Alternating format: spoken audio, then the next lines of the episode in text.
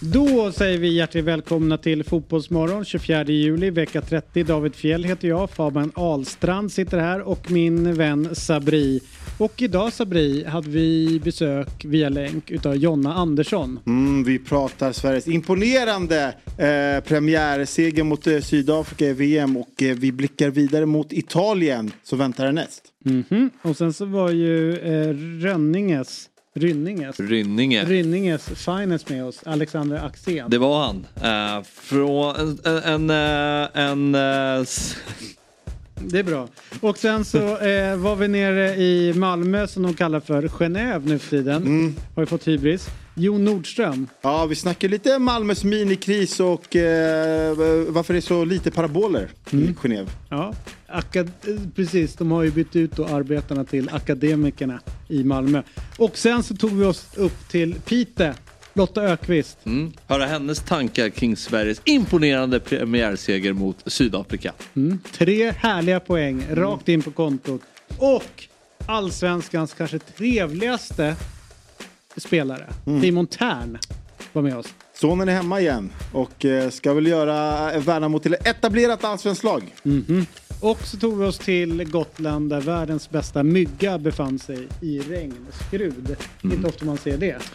Nej, han har tungt ansvar på sina axlar med sin spel mitt arv mm. ligger i hans händer. Så är det. Skojar du? Mm. Välkomna.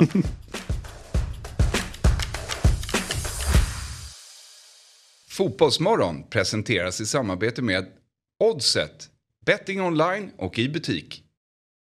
Carlsberg, alcohol free. What's your game day ritual?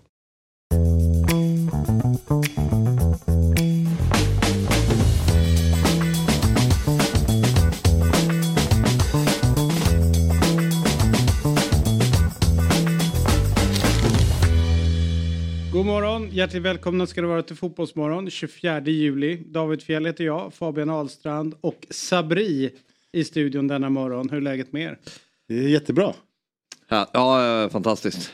Är det? Ja, allt, men det är alltid bra. Ja, du har varit på, på ditt landställe i helgen? Ja, inte mitt utan tjejens landställe snarare.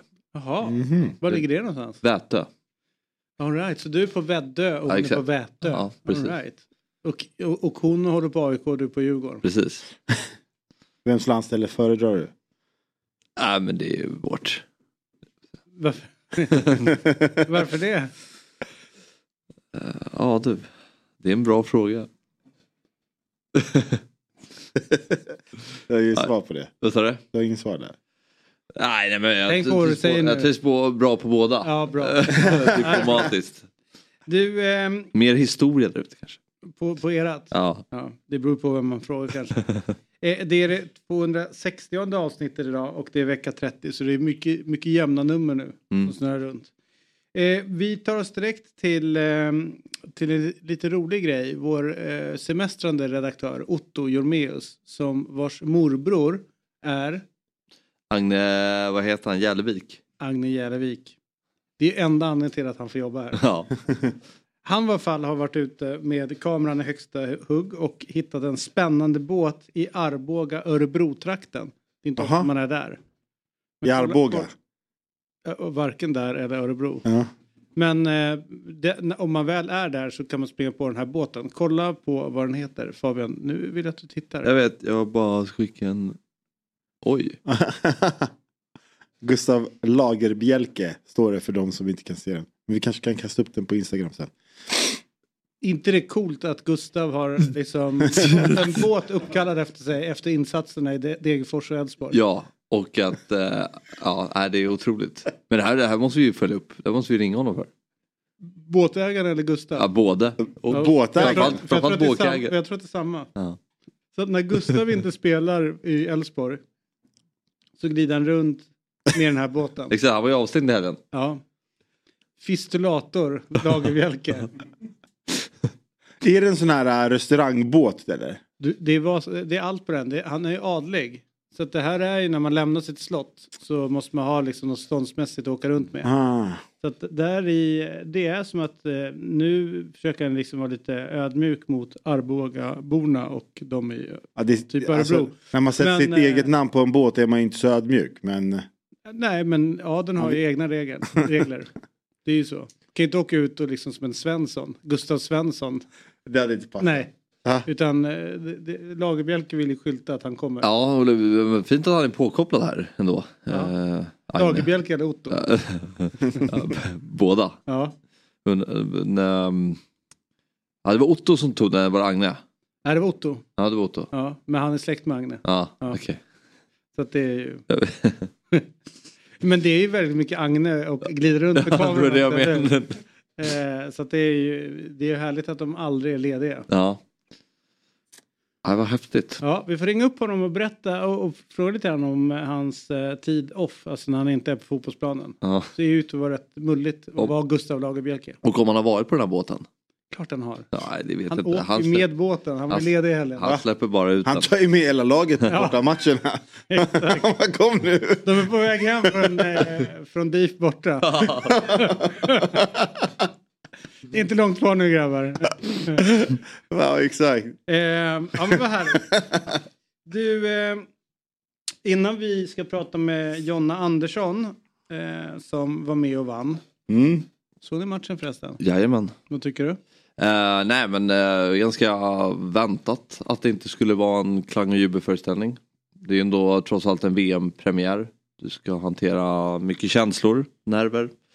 Uh, och det var ju väl uh, men, lite krampaktigt men och väldigt slarvigt insläppt mål tycker jag.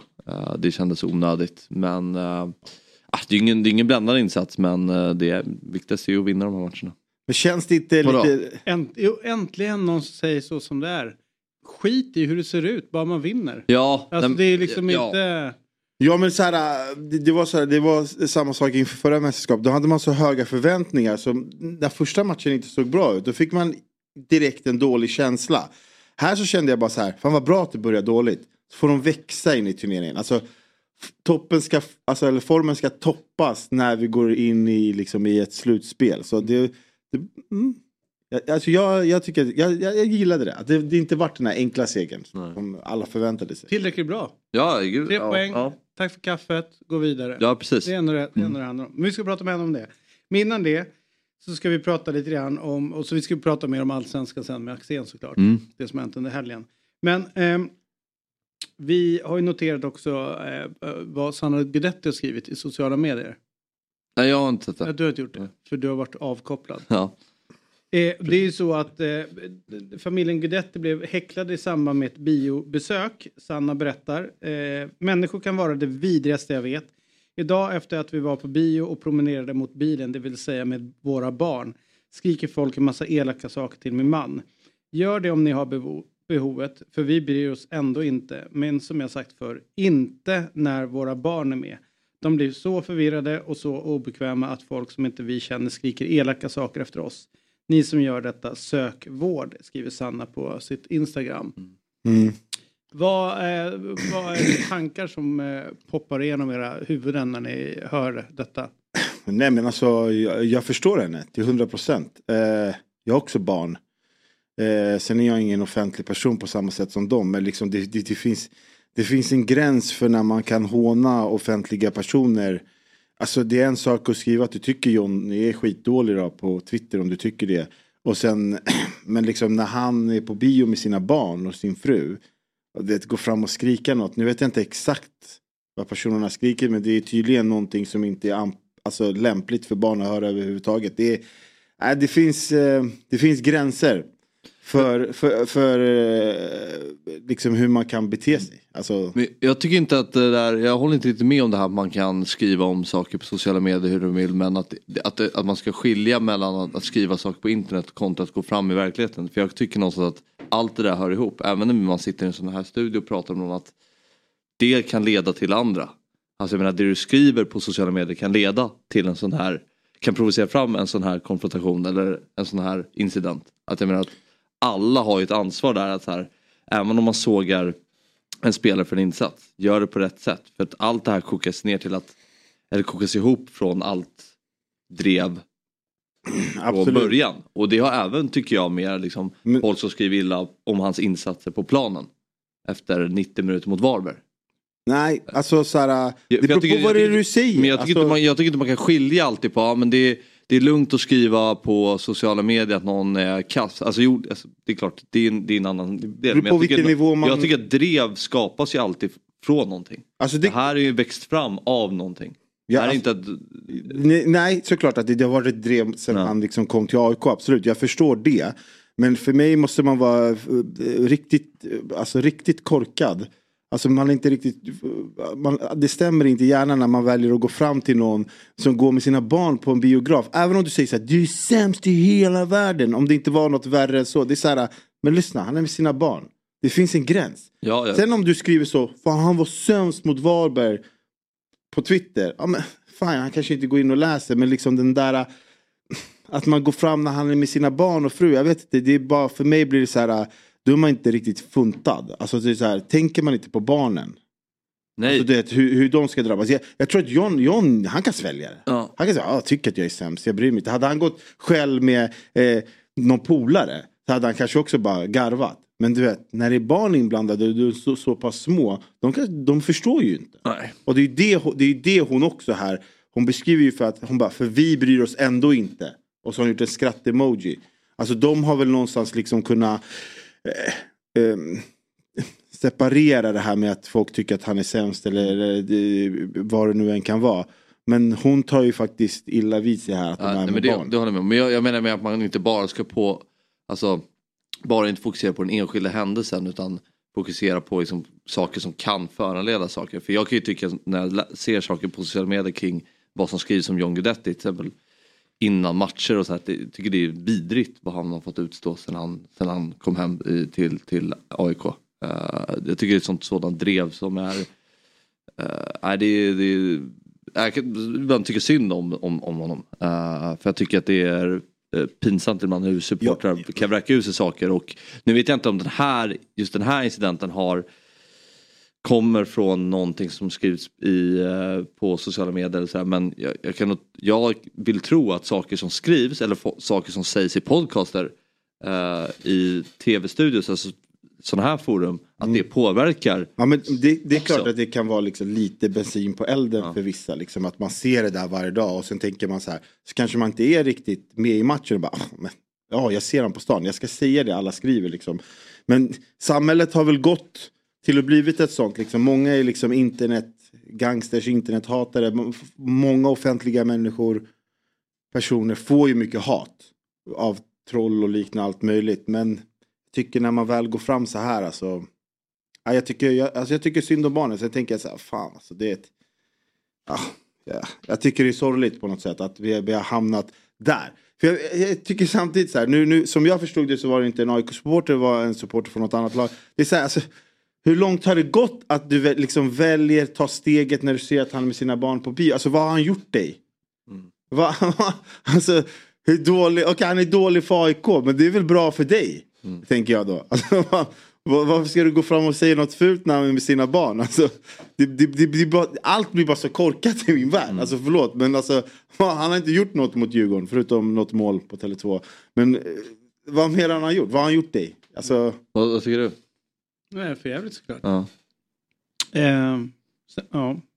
sen är det ju en, en viss med, med intervjun också med Dele Alli vad han berättade om hur livet som fotbollsspelare och Exakt. så vidare så, så tror jag att det är ganska lätt för folk på sidan om att tänka att du som fotbollsspelare och så sätter man upp vissa liksom så här ska det alltid vara, så här ska det alltid göra och, och så vidare. Och, eller att man har rätt att skrika till eller prata med till eh, fotbollsspelare på ett visst sätt. Att folk känner att de har, det är deras rättighet. Ja. mm. Men jag tror, jag, jag litar inte på Sanna och säger att de inte bryr sig. Jag tror de bryr sig väldigt mycket. Och jag tror att John bryr sig väldigt mycket när folk kommer fram och skriker på det här sättet. Och det man kanske glömmer bort är att det är en människa som är mottagare utav Mm, de sakerna som skrivs på nätet eller de som sägs i verkligheten. Så Sen, att, eh, jag, vet, inte, jag, jag är förundrad över att det inte händer, händer fler incidenter där fotbollsspelare eller andra offentliga personer lackar ur och liksom mer eller mindre klappar till någon som skriker vissa Mm. saker. I de här sammanhangen. Ja, alltså det, man måste väl ha någon form av mental styrka för att man liksom inte ska alltså, brinna av rejält. I alla fall när man är med sina barn. Man kanske kan hejda sig då. Men så här, se- sen så här, själva grejen kring John Guidetti har ju kanske inte varit Ja men det har kanske inte varit så lätt för dem att hantera liksom för att det har ju varit ja, men olika bud överallt. Alltså så här, han, alltså jag tror också så här vissa offentliga personer är lättare att häckla än andra. För de har, alla har en approach. Alla, varje individ ger ut en, alltså den, den utstrålar någonting. Som gör så att ja, den här som man känner så, ja, men den här personen kan man häckla lite mer, den är ju så kaxig. Eller ja, men den här personen verkar så snäll så där säger jag ingenting. Eh, och John har väl alltid haft en så här lite attityd. Alltså ända liksom, du vet den här intervjun i EM, U20, alltså U21 EM. Han har en kaxig approach. Det, det rättfärdigar inte att man ska gå fram mot hans barn. Men folk gillar ju och, och, och alltså, folk gillar ju att reta sig på sådana människor lite mer. Så jag tror liksom kanske inte att det gäller alla offentliga personer. Men eh, nu, nu tycker jag till, jag håller med Fab, det, det har gått lite för långt kring honom. Man kan man kan släppa han ett tag. Liksom. Men, ja. Ja. Nu har jag fått lite info bara om båten. Äh, Lagervirke. Ah, mamma. Båten har gått i trafik sedan början av 1900-talet. Alright, coolt. Ja. ja. berätta mer. Förbi Arboga kanal. Där vi ofta fikade med farmor och farfar. Som bodde i Kungsör. Som är, så du har åkt den där båten? Uh, jag tror inte det. Så, så att, eh, okej, okay, så när Fistulator, eh, Lagerbielke, en gång i tiden åkte runt på båten genom Arboga kanal. Ja. Så ändå så hette den Gustav Lagerbielke. Ja. Men, och nu ägs av Gustav Lagerbielke ja. i Älvsborg. Ja. Eller ägs den av någon annan som typ snittar på deras namn. De, ja, de är bra på att snitta där borta i Arboga. Alltså, din mamma borde ju vara eh, liksom en, ständ, en, liksom en fast del av redaktionen med tanke på att hon är mer alert på att plocka fram liksom, fakta. ja, ja. Än vad någon annan är på jobbet. Vänta bara till fakturan kommer. Ja, ja då har du gjort din sista dag här. nu ska vi ta oss till eh, det största som händer den här sommaren. Mm. Det är ju fotbolls-VM. Eh, och som sagt var, Eh, folk som håller på och gnäller över att det inte såg ut på ett visst sätt. Håll käften säger jag till er. Mm. Allting handlar bara om tre poäng. Så det var en briljant insats i den första matchen. Tre poäng på kontot, smack, gå vidare på nästa. Mm. Vi är överens för första gången. Ja, det. Och nu ska vi prata med, eh, ska vi säga, en av de bästa spelarna på plan eller? Ja, det tycker jag verkligen. Eller hur? Båda ytterbackarna var bäst på plan. Mm. Och hon har också haft den härliga eh, liksom, eh, så säga, livsvalet att välja Chelsea. Mm. Hon väljer Chelsea. Hon väljer liksom inte, hon kan spela vilket lag som helst. men det är Chelsea hon går till. Och det är hur stort som helst. Eh, så jag var lite, li, mm. lite ledsen när hon valde att eh, vända hemåt. Men skitsamma. Nu ska vi i alla fall prata med eh, John Andersson. Eh, varmt välkommen till Fotbollsmorgon. Bra insats. Hur skönt är det att premiären är avklarad? Tack så mycket. Eh, nej men, eh, otroligt skönt såklart. Eh, en, premiär, en premiär och det är alltid tufft. Eh, men otroligt skönt och skönt att eh, gå därifrån med, med vinst. Så att, eh, nu är vi igång. Så det är väldigt skönt. Han det blir liksom någon frustration på planen över att liksom inte vara i ledningen och, och det är VM? Alltså blir det en nervositet som smyger sig in? Ja men det är klart, alltså när jag ändå känner att vi har väldigt mycket boll här, de är otroligt kvicka på det, deras kontringsspel och snabba forwards. så när de får in eh, 1-0 så, så är det klart att det, det är tufft. Och, men jag tycker ändå att vi är så starka och vi har en tro på det, det vi gör. Eh, så att jag kände ändå att vi, vi kommer kunna trycka på, vi kommer skapa mer chanser och uh, till slut så, så kom målen. Så att det var otroligt skönt och att vi trodde på det in i det sista. Var det er känsla under matchen ibland att ni kanske blev lite för bekväma med bollen när ni hade mycket boll? Att ni kanske inte riktigt växlade upp tempot när ni borde, till exempel? Ja, eh, det, det, är klart att det, det, är svårt när man möter ett lag som, eh, mm. ja, som kanske försvarar väldigt lågt. Eh, de var extremt många i boxen när vi kom till inspelslägen. Sen också samtidigt vända på det och vara med på deras kontringsspel. Så att det är klart att hitta den variationen i att växla tempo och, och kunna ja, men, spela lite snabbare och lite rakare kanske för att inte få anfalla mot elva spelare hela tiden. Nej. Vem skulle du säga är pådrivande i laget när det, när det ja, är ett sådant här läge? Viss frustration börjar smyga sig in, eh, att man inte leder, man känner att man har matchen. Vem är den i, i gruppen som driver på mest? Men det tycker jag är en otrolig styrka vi har, att vi har väldigt många eh, ledare, eh, både på planen, på bänken. Alltså vår grupp är helt eh, fantastiskt på det sättet att det är väldigt många som tar tag i det. Ehm, sen är det klart att, att vi har Caroline Seger, även om hon inte startar, men, men henne hör man oavsett. Och, eh, det, men det är också en styrka som vi har att eh, hon startade inte, men då har vi andra som steppar upp och, och ändå kan ta tag i det. Ehm, så att det, det är svårt att välja ut en person, utan jag tycker att det, det är en styrka som vi har, att, att väldigt många försöker driva på det hela tiden och det är någonting som, som vi har pratat om. Eh, inför, inför turneringen så eh, det är rätt roligt när de pratar om vilka är favoriter och nästan alla säger så här men det är typ åtta länder som kan, bli, som, som kan vinna. Alltså det, det är ju helt, helt galet. Men både du och jag vet att det är Sverige och något land till. Vilket är det andra landet skulle du vilja säga förutom eh, vi som är storfavoriter? Oj. Um, ja, men det är väl de där sju andra länderna. Nej.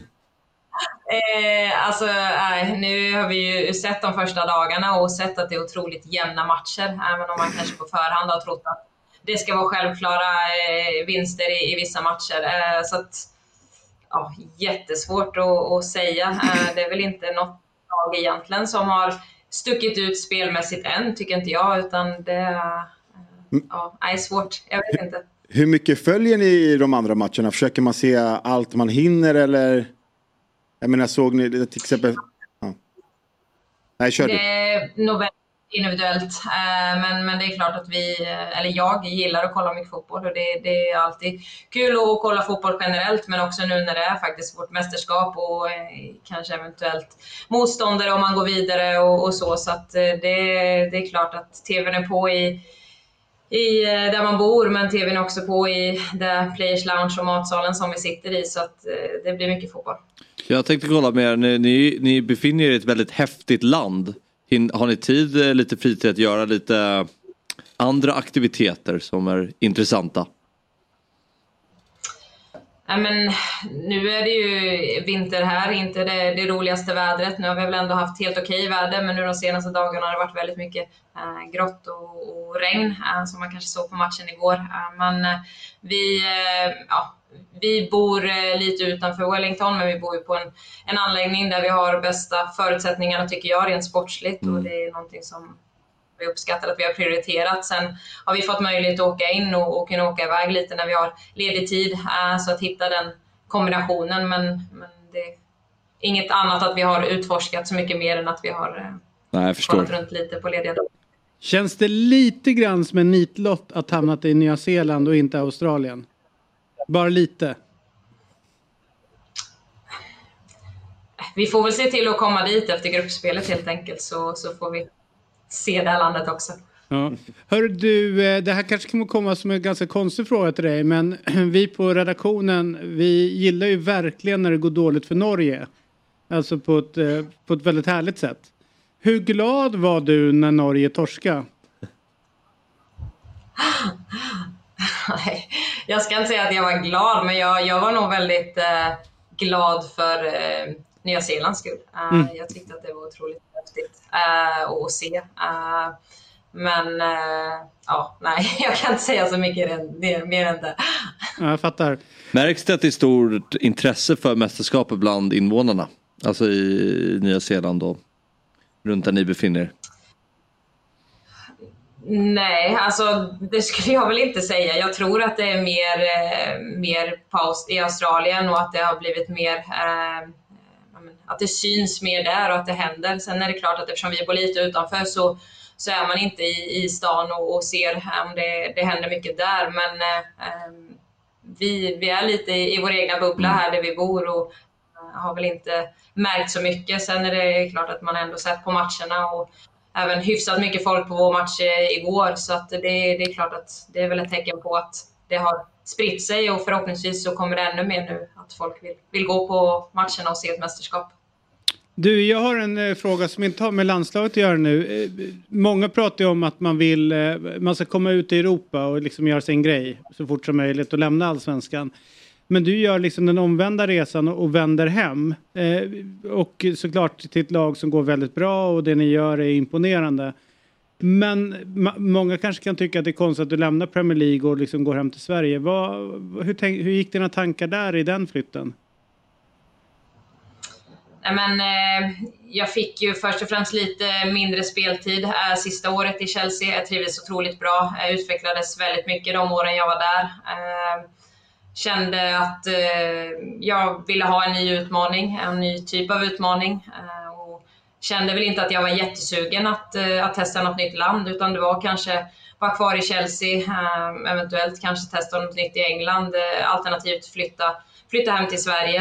Eh, och där, det fick jag ändå en tidig kontakt med, med Hammarby och fick upp ögonen för dem väldigt tidigt när de presenterade vad, vad de hade för framtid och vad de ville, eh, ja, men, vad de ville uppnå. Och det var någonting som jag kände var väldigt intressant och, och att jag skulle kunna utveckla mig som, som spelare men också kunna, jag kanske haft det tidigare.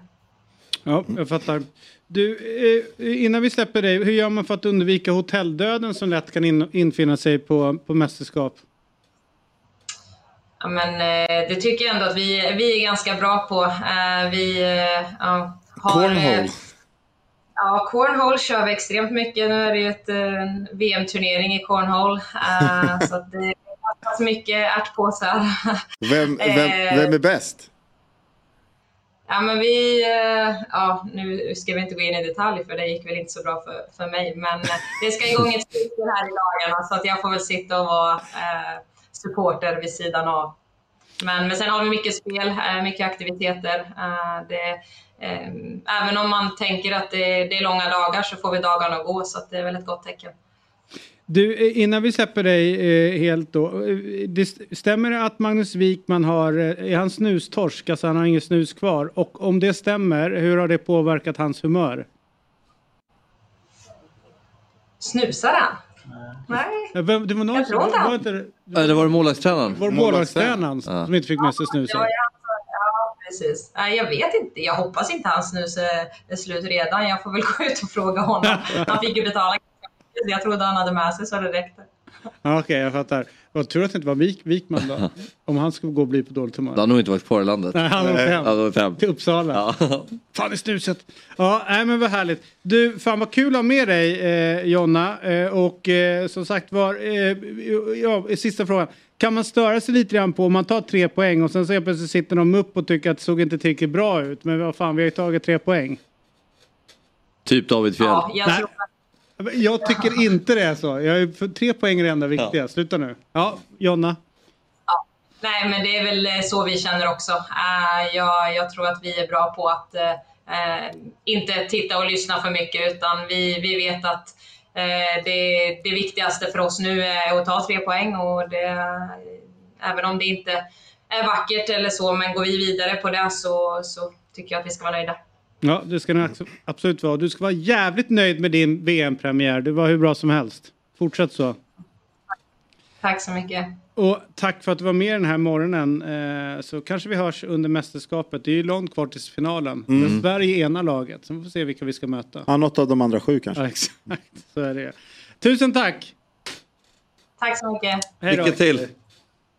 Hej då, tack. så finns ju Fabbe på luren. Ja, men det är viktigt. Då. Det kan du kunna nämnt. Vad säger du? För att få lite råd och tips och hur man kan få dagen att gå. Ja, men du, måste ju, du har ju bott i Australien så du vet absolut hur man får in snus utan att betala för det. Jag tycker det är lite dåligt. Slarvigt att visa upp det. Har du något snus med Absolut. Det här. Du bara hålla käften. Ofta stockar också. Du bara vad är det där för något? Jag har ingen aning. är det, to är det tobak? Absolut jag inte. Jag tänker, har han aldrig sett det här programmet? Vad heter det? Borderline Nya Zeeland, Borderline eh, Australien. Det, som man alltid kollade på när man strötittade på tv. Mm. Och såg så här, har du inte sett ett avsnitt? Det är klart du har. Nej. Du vet så här, när, när någon tar in ett äpple och får böta 10 lax i Australien. De, de är jättehårda. Men det är väl nya eller? De, de har väl någon Vet ny... vilket program Nej, men de har någon ny serie om det där. Uh, jag glömde bort vad det heter. Jag vet inte, Tullverket tull, eller? Tull... Eller? Ja, det... De följer Tullverket. Ja men det är så här tullen i Australien. Det är klart tullen... att man inte sitter och kollar på sånt för Nej, helvete. Det är klart man har, nej, det är klart man det? har gjort det. Va? Läs en bok. Va? Läs Alltså, en det, det bok. går i bakgrunden på tv. Nej, nej, nej. Va? nej. Fotbollsmorgon är sponsrat av Carlsberg Alcohol Free. Carlsberg Alcohol Free sponsrar även damlandslaget som ska spela mästerskap i Australien och Nya Zeeland under juli och augusti. Ja, Australien, det är mitt andra hem. Ja, så är det med Fabbe. Hur förbereder man sig inför en turnering i Australien? Det är viktigt att komma ihåg att det är vinter i Australien under VM-slutspelet. Det blir inte sådär jättekallt för det. Men man behöver inte tänka på värmen på samma sätt som i Qatar till exempel. Det viktigaste är att tjejerna blir sammansvetsade som grupp. Gemenskapen kommer bli avgörande tror jag. Mm. Och för oss som ska titta på matcherna så blir det lite annorlunda uppladdning. Sverige spelar sina gruppspelsmatcher tidigt på morgonen, svensk tid. Hur kommer det påverka din uppladdning Fabbe? Precis, Sveriges första match spelas mot Sydafrika klockan sju på morgonen. Då gäller det att samla ihop kompisarna eller familjen ändå och titta tillsammans. Okej, men hur ser dina matchdagsritualer ut annars? Ska jag se matchen på plats så vill jag alltid vara där i god tid innan för att se uppvärmningen. Det är alltid kul att se spelarna värma upp samtidigt som läktarna fylls på och sången tilltar. Är det match framför tvn så vill jag gärna vara med när sändningen startar. Höra studions analys och diskussioner. Men helst är man ju på plats såklart. Så är det. På plats är såklart alltid bäst. Den här gången får vi följa mästerskapet från tv-fåtöljen och ställa klockan för att vara uppe i tid. Men det är ju vi i Fotbollsmorgon vana vid vid det här laget. Vi säger stort lycka till till vårt landslag i sommar och tack till Carlsberg Alcohol Free som är med och sponsrar Fotbollsmorgon. Ett poddtips från Podplay. I fallen jag aldrig glömmer djupdyker Hasse Aro i arbetet bakom några av Sveriges mest uppseendeväckande brottsutredningar. Går vi in med hemlig telefonavlyssning och, och då upplever vi att vi får en total förändring av hans beteende. Vad är det som händer nu? Vem är det som läcker? Och så säger han att jag är kriminell, jag har varit kriminell i hela mitt liv men att mörda ett barn, där går min gräns. Nya säsongen av Fallen jag aldrig glömmer på Podplay. Ska vi eh, smyga igång lite grann vårt allsvenska snack eller? Ja, det jag. Eh, det var ju eh, väldigt många matcher eh, som spelades i helgen. Ett resultat som man ändå får säga sticker ut. Värnamo 1, Häcken 0. Mm. Hur förvånad är du över det resultatet? Ja, ja, Aha, det var helt väntat. Ja, det, det är ganska Ah, väntat om du frågar mig här. Eh, Jag, eh, jag tycker Värnamo har gjort många bra prestationer här och det, det låg lite i luften att de skulle vinna. Häcken tycker jag har varit lite trögstartade. Jag tycker inte riktigt de har kommit igång. varit lite, de känns lite nonchalanta sedan återstarten och mot BP ska de ju typ förlora. Eh, och sen har de haft Champions League-spel i och för sig ganska... Men de kan inte vara trötta av Nej, det nej, nej, nej, det är går klart, det är klart. Nej, det är klart. på. Men det är väl kanske mycket... Jag vet inte, mycket, mycket, mycket nu som ska komma, många matcher. Och, eh, och tycker Värnamo ändå är bra. Det är liksom de, de... Men ja, lite förvånad kanske man var trots allt. Kanske. Lite.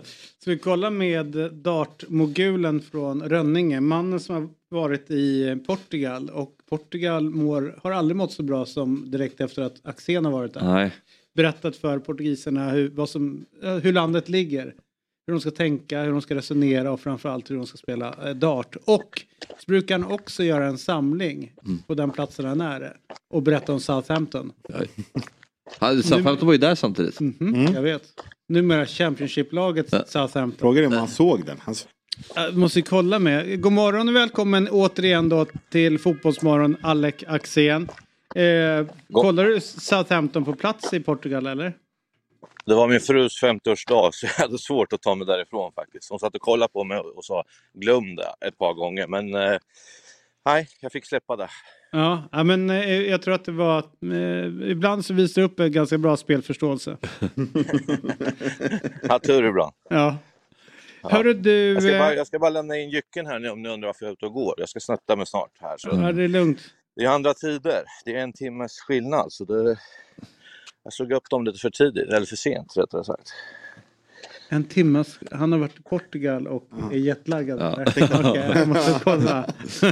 Men... eh, hur överraskade du över att Värnamo vann över Häcken?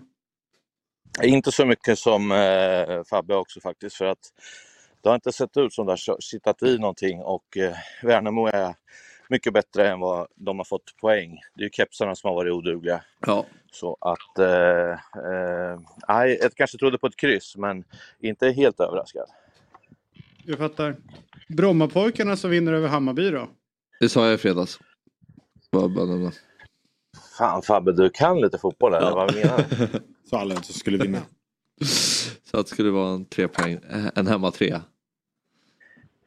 Ja, lite, det var mer förvånande faktiskt för jag tycker Brommapojkarna har sett otroligt svaga ut. Nej, fast det har de inte varit. Det, där håller jag... Jo, där, de har, nej, de var bra. Jo, har de varit. de var ju bättre. De borde ju vunnit. De borde gjort fem mål mot Häcken. Jo, de- men vi sa ju nyss att Häcken inte var bra. Typ. Nej, ja, men eh, Degerfors-matchen är ju sensationellt att de inte vinner. Det är ju bara AIK-matchen de inte riktigt kom upp i nivå. Ja, nej, jag, jag tycker att de har varit svaga. Ja. Jag såg träningsmatchen mot Örebro, för fan vad dåliga de var. Ja, men eh, träningsmatcher, det är bara du som räknar sånt. Ja, men eh, man ser ju någonting då vart det är på väg i alla fall. Men Man finns, fyra raka förluster, så jag vet inte om du hade rätt eller jag hade rätt. Nej, det är, det är sant. Ska ska vi låta Alex svara nu? Ja, ja absolut. Ja, jag- jag Ja, jag får väl säga om jag får Jo, markera om jag inte håller med ja, honom. Helt rätt. Helt Mm. rätt. Vä- Vänta nu, ta det lugnt, andas. Så. Eh, var du klar med BP Hammarby eller finns det något mer att tillägga där Alec? Ja, men där ser vi också Hammarby att det är ju eh, det är ett lag som inte är så som vi har liksom tänkt att Hammarby ska vara. Liksom. De har inte den där sista kvaliteten. De har, det fattas spelare liksom. Eh, så att eh, eh, de har ett jobbigt år och med det menar jag ändå att de är stabila över hälften. Men det är inte det där Hammarby som har eh, skämt bort oss med otrolig fotboll och liksom spelar jättebra och gör mycket mål och sånt. Det, det laget är inte Hammarby längre utan de, eh, de kommer få jobba hårt och ibland kommer det se jättebra ut och ibland kommer det se svagt ut. Eh, Norrköping eh, tvålar dit Degerfors i, eh, i- ja, till slut får man ändå säga. Det, det satt, satt långt inne. Eh, oerhört härliga bilder på, eh, på tränaren Glenn i, i Ja. Norrköping. Han kör nästan en Mourinho. Ja, Jag blev glad när jag såg det. Ja, och eh, sjukt tungt för, för Degerfors. Vad drar du för liksom, konsekvenser utav det här resultatet? Ja, ett är jag förbannad på ett lag som jag sagt ska ta Mark Sema. Därför att spelar Mark Sema fem matcher så gör han tre poäng. Eh, otroligt bra spelare. Jag har haft tur att få träna han till slut. Jag jagade han från första minuten i, i Gais, men då valde han ju Norge istället. Och sen när han gick till, eh, jag fick jag tjata till Örebro då. Jag vet ju hur pass bra han är och att han har ju inte fått någon speltid alls egentligen.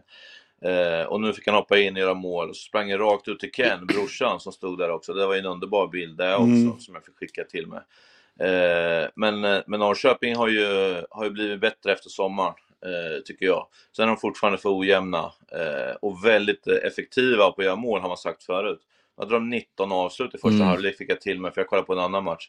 Eh, och det gjorde ju att eh, eh, man tänkte att det, det, då får de inte in där. Men sen så kom han in, Magic Mike som han kallas. Och eh, ett otroligt snyggt mål. Men jätte- jättetungt för Degerfors såklart. Ja, jag tänkte med Norrköping, det är intressant att de ändå ser bättre ut trots att de tappat eh, Sigurdsson. Är det att det blev lite för ensidigt med därför. honom? Ja. Kanske just därför. För det varit mycket fokus på honom, att han skulle göra allting.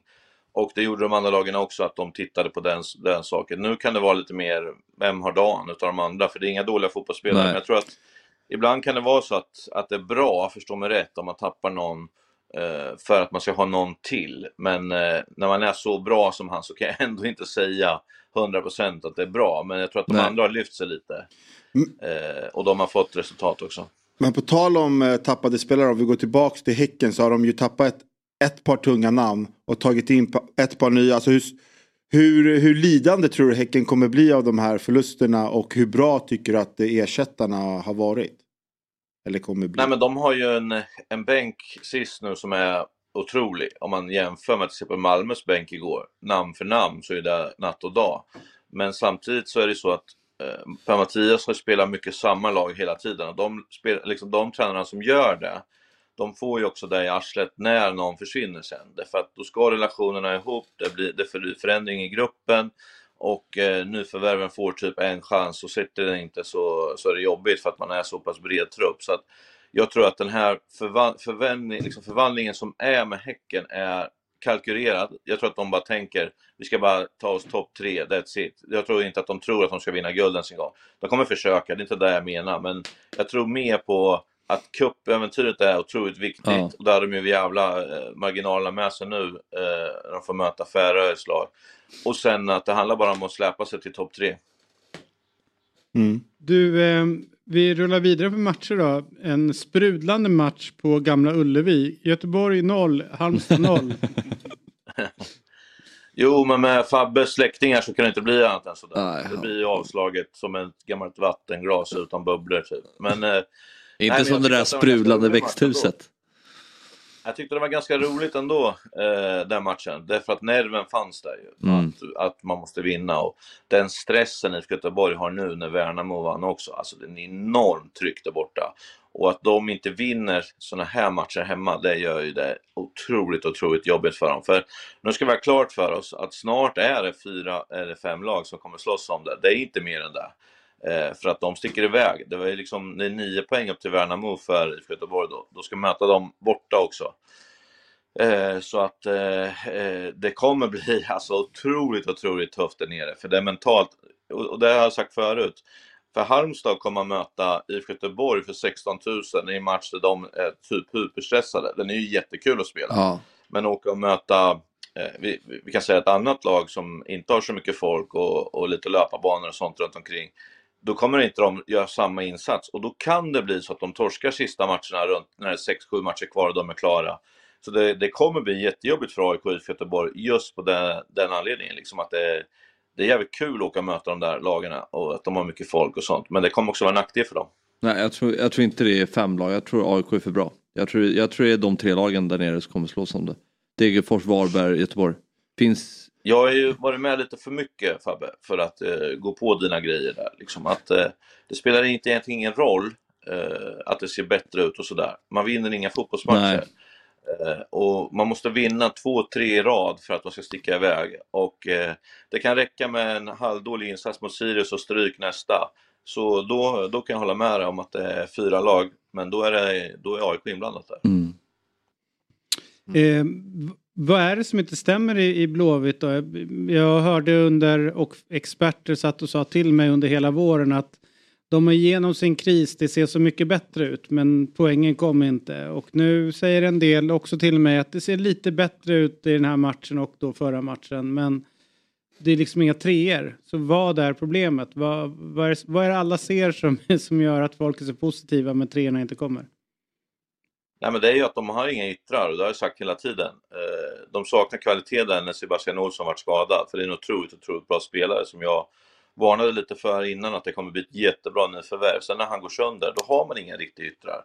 Eh, och de måste kunna skapa poäng och göra poäng så att Marcus Berg också kan få slå raka in dem där inne. Och när de inte slår sina spelare, de inte kommer runt på kanterna med kvalitet på inlägg och grejer, då kan inte de göra mål, för jag ser inte vem som ska göra mål förutom Berg. Och eh, det är ytterspelet som måste komma igång. Eh, att, att det ser helt okej ut mellan straffområdena, ja det är ju som det är liksom, och det tar sig hela tiden och så vidare. Men det är ju straffområden som det avgörs hela tiden.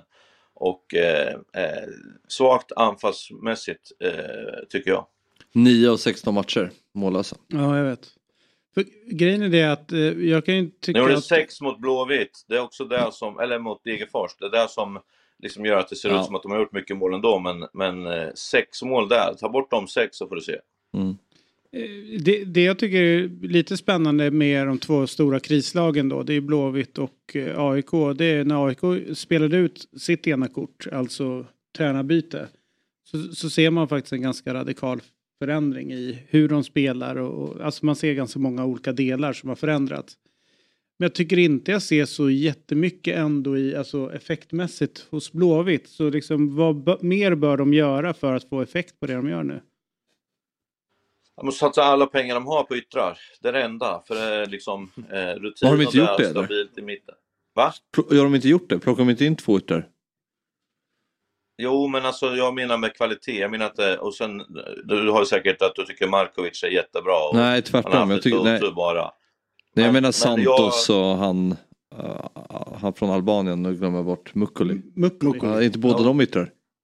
Jo, men det kommer ta ett tag innan de kommer igång. Och jag menar så här, mm, jag vet att de hade en spelare på gång eh, från ett, ett Stockholmslag som folk inte räknar som Stockholmslag. Han skulle de ha tagit, för han har spelat, sen ska han ha gjort poäng.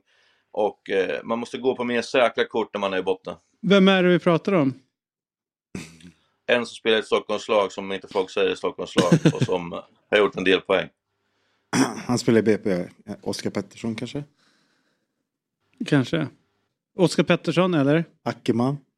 Inte Ackerman. Du ser att jag har spelat poker förr va? Vi kör på. Hur fan, du, ditt pokerface påminner lite grann om George Costanzas. Vi ser att du har någonting. Han har ju pocket 8, det ser vi. Ja men han hade ju, alltså, han är en sån där som får en bra hand och så blir han helt tyst, sitter han så här. Vad är det, ingenting? han ska vi spela. Nej, nej. Den killen ska ha sådär kort pengar. Vad säger du? Jag har inte burit en pengar efter poker, det kan jag säga. Nej, jag kan tänka mig det. det, det ska jag köpa in igen eller? eh, Ja, tar du kort till Ja, exakt. en klassiker. Eh, men du, eh, jag, jag blir inte riktigt klok på, på Djurgården som å ena sidan ena veckan får man ändå säga inte kör över men liksom markerar ändå otroligt mot Malmö och sen så blir det här mot mot Elfsborg. Vad, vad säger det om Djurgården och vad säger det här resultatet om Elfsborg? Elfsborg är också ett lag som jag var, eh, tyckte att inte hade kittat i lite efter nystarten. Eh, att det inte har sett li riktigt lika bra ut och så kom den här, boom, 4-0 liksom. Eh, därför att de har ju ett spel som bygger på energi och otroligt mycket löpa när man har bollen och sen är försvarsmässigt, eh, de är otroliga på att täcka skott och sånt. Eh, så det, jag, jag, kände typ att det, ändå matchbilden mot Djurgården kommer passa dem. För att Djurgården kommer vilja köra sina, sitt spel hemma och liksom köra på som de inte gjorde mot Malmö. För mot Malmö är de ju tillbakapressade i stort sett hela tiden. Eh, och det är ett spel som Kim och Tolly inte gillar. Så de pratar säkert jättemycket om vad de skulle göra med bollen och sånt. Och där satt ju Jimmy Tillin och bara skrattade åt liksom. Och så fick de ju målen exakt när de behövde hela tiden. Eh, så att de är ju kusligt bra på, på när de får lägena. Alltså. Så att det där var ingen 4-0 match, absolut inte. Men samtidigt Elfsborg, fy fan vad bra de är. Mm. Det är så kul att kolla på dem så det är inte klokt. Men svaret på frågan då. Eh, det är ju att Djurgården också har gjort en del förändringar. Eh, och jag tror att det är stökigt utan Mange. Jag tror, att det är, jag tror att inte att laget mår bra när inte han är med. Hur tänker du då? Alltså, han är, för mig har det alltid varit så att kaptenen är min högra hand. Han spelar alltid. Jag byter aldrig ut han, han spelar varje gång. Och det här har jag och Snuffe, Åke, äh, gamla Djurgårdskällaren bråkat om lite för han tycker liksom att bäst lag spelar och sådär. För mig är det liksom, en lagkapten behöver inte vara bäst, men han är den som leder laget, den som tar tag i saker när det känns på ett speciellt sätt. Folk lyssnar på det, eh, folk eh, har respekt för vad man gör, man behöver inte stå och skrika, man kan säga saker tyst, men folk har liksom respekterat det. Att, att en sån spelare som Mange inte spelar, gör det jättesvårt och jättekonstigt för laget, tror jag. Alltså för de andra spelarna. Eh, och om inte han är tillräckligt bra eh, för att spela, det vet ju inte jag, jag ser inga träningar och sånt, så tycker jag alltid att han är tillräckligt bra för att leda det här laget. Om man har skrivit lång kontrakt med honom. Så för mig blir det liksom, det är rörigt i, eh, i, i, laget. Det är min uppfattning utifrån, utan att jag har en aning om vad det är. Och jag pratar med Bosse ganska ofta, det vet ni, han säger inte ett ord. Så det, det behöver inte alls vara så. Men det är mitt sätt att se på mm. spelarna, att de saknade en sån som Mange när 1-0 och 2-0 och 3-0 kom. Håller du med? Ah, jag vet inte. Jag, jag tycker mest intressant just det här kaptenens, alltså lagkapten idag. Det känns som att den staten har lite jag vet inte, det är klart det beror lite lag, lag till lag men just att kapten, alltså just att lagkapten har eh, minskat, alltså den staten har minskat lite i fotbollen generellt. Eller? David, det här kapitlet från Guardiola har inte kommit när det står om hur man ska behandla lagkaptenen. Så de här nya tränarna, de har ingen aning om hur viktigt det är. Så att vi, vi hoppas att han kommer ut med en ny bok och skriver hur viktigt det är med kapten. Nej, men jag kan hålla med om att det kan vara problematiskt just att han inte får spela, framförallt eh, på hans sätt att se på det. Men han ser ju sig själv som en startspelare och har varit startspelare i alla år han har spelat fotboll. Ja, I alla fall i allsvenskan. Så jag kan ju, det är en ny situation för honom som jag tror att det är, är frustrerande. Mm. Sen tycker jag om man tittar på Djurgårdens prestationer och resultat senaste månaderna och många matcher där han inte har spelat så har det inte, det har inte sett sämre ut. från att han var med, än från att han startade. Eller jämfört med när han startade. Utan det har ju snarare sett bättre ut. Eh, så jag tycker att det, blir- det blir lätt att peka på att Mange startar inte mot Elfsborg en stor förlust. Där man kan peka på att det är ett stort problem. Men på samma sätt kan man säga att man startade inte mot Malmö och då såg det jättebra ut. Så jag vet inte. Problemet, Jag, är, problemet eh, Fabbe är att du säger egentligen eh, eh, liksom det jag säger. Att när det går bra, då spelar det ingen roll vilka som spelar. Men det är när det går dåligt, det är då man undrar vem som ska hålla i handen då. absolut. Eh, Men- och, och, och det är, den, det, är där, det är problemet som är. När det Men- går bra, då kan morsan spela, det är inga problem. Men det är när det går dåligt, det är då man behöver den här liksom, Men- högra handen och som styr upp det och som, som fattar vad man ska göra och som har varit med en del och sådär typ. Ni ser ju liksom när 4-0 målet kom, när Une Larsson slår en genialisk passning bakifrån. Eh, då samlar han ihop dem liksom. Och liksom, kom igen nu, nu måste det här och det här, nu måste stoppa och sådana saker. Och alla står och lyssnar.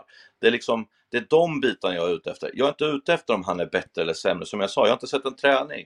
Men jag menar att eh, hans erfarenhet och att han är kapten. För mig ska det vara jättekonstigt att ha en kapten som inte påverkar Ja, matchen. nej, jag- Jättekonstigt. ja, ja. Men men det är också svårt om de inte involverar honom med mycket. Det är som Alec är inne på. Att om han har tappat auktoritet. Han har alltid haft auktoritet nere på Kaknäs. Alla har alltid lyssnat på Mange. Om han tappar den.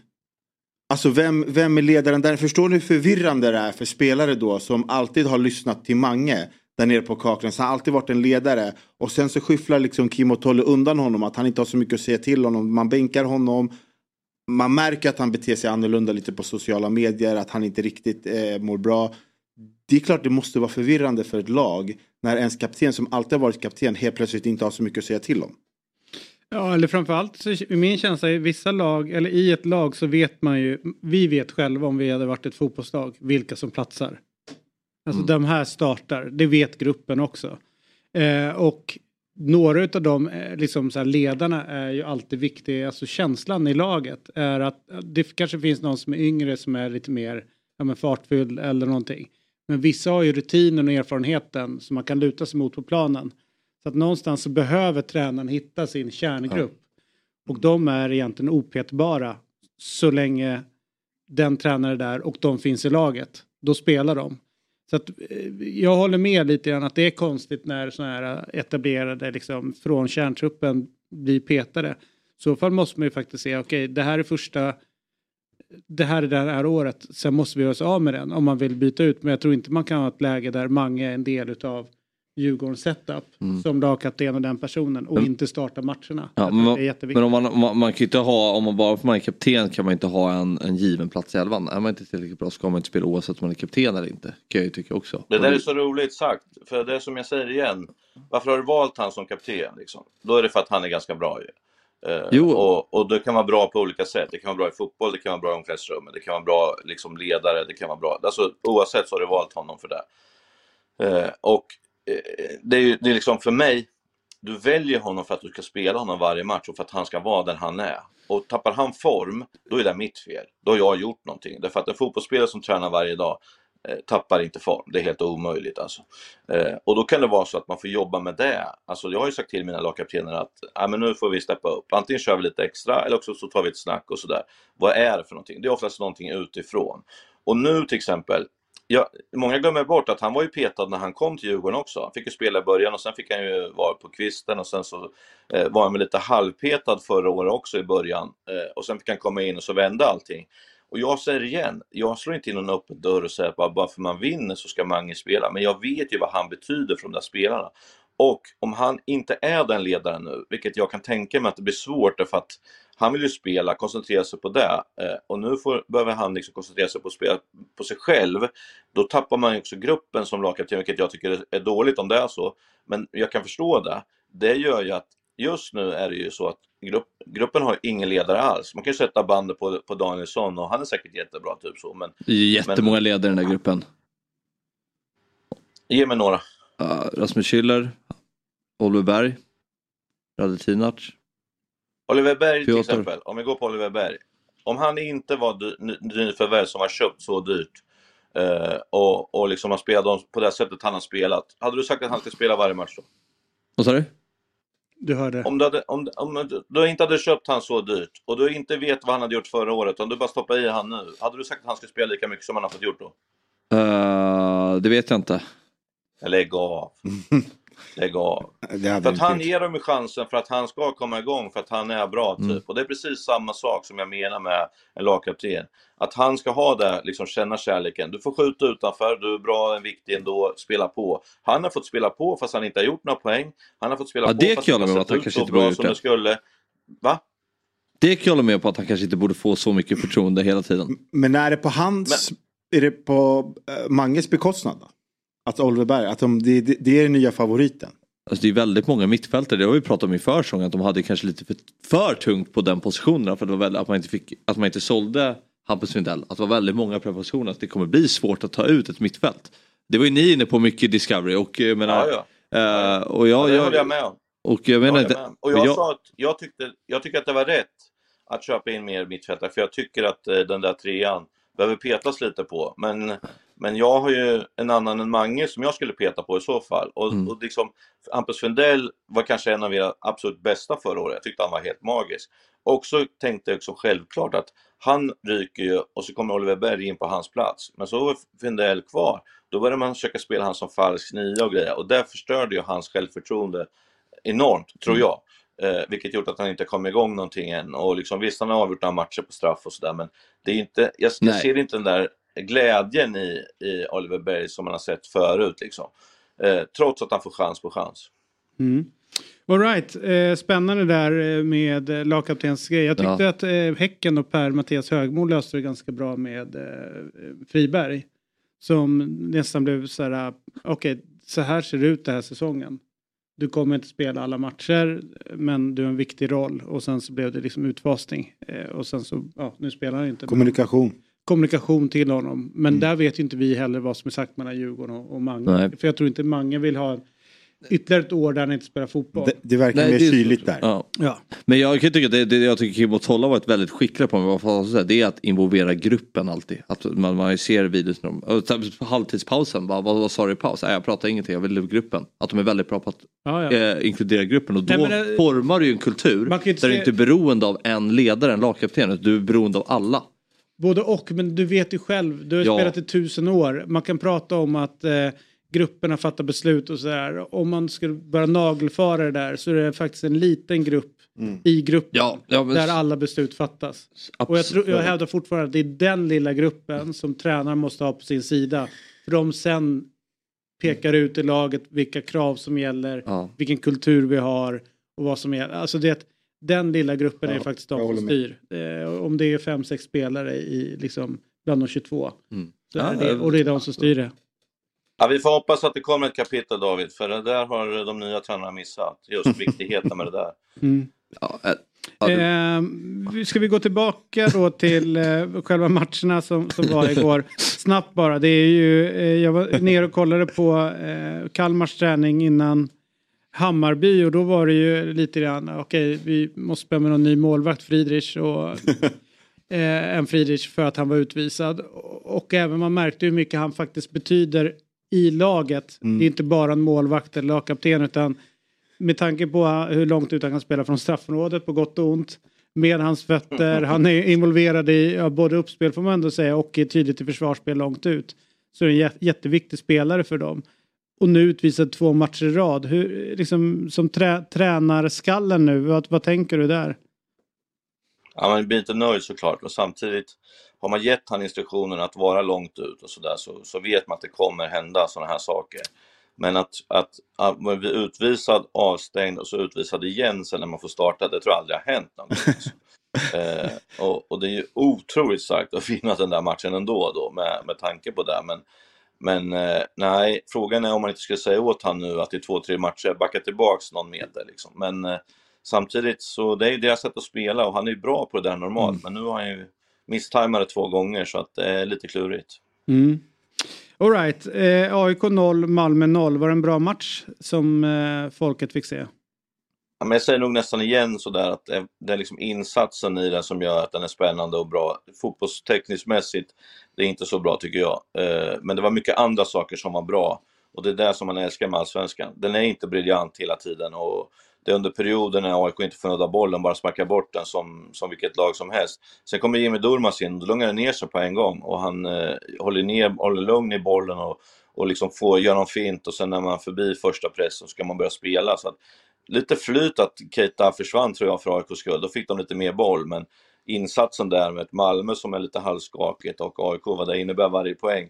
Det är klart att det är en bra fotbollsmatch, men, men speltekniskt, nej. Men, men, nu är det ju tredje raka för Malmö utan seger. Är det, är det läge att bli lite orolig som Malmö-supporter eller tror du att de liksom kommer växla upp och hinna ikapp eh, Elfsborg? Vi glömmer alltid bort att alla lag får minikriser och jag har sagt det så många gånger i varenda sändning, det är bara att ingen bryr sig.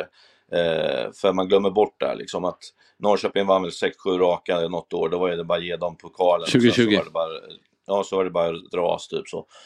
Alltså Malmö är i en period nu när man har bytt spelare, eh, de som var inkörda, det, som jag säger igen, när man väljer att gå hårt på en elva hela tiden så kommer det bli jättebra när du har dem, men det kommer bli svagare när du inte har dem. Och den trean som de hade då som var magisk med AC och eh, Hugo Larsson och, och Peña, den är en skugga nu. Eh, och det har inte att göra med att det är dåliga fotbollsspelare där, utan det är bara att de har inte samma kemi, de har inte samma flair, Eh, och det gör att det blir lite konstigt. Vecchia borta, eh, som också gjorde mycket poäng och sådär. Så att eh, de är ju inne i att de håller på att förändra sitt lag, tar in nya spelare. Så på sikt kommer det här vara jättebra.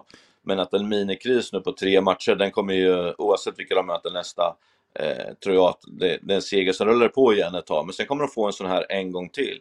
För det får man, man får två, tre minikriser per säsong, så är det bara.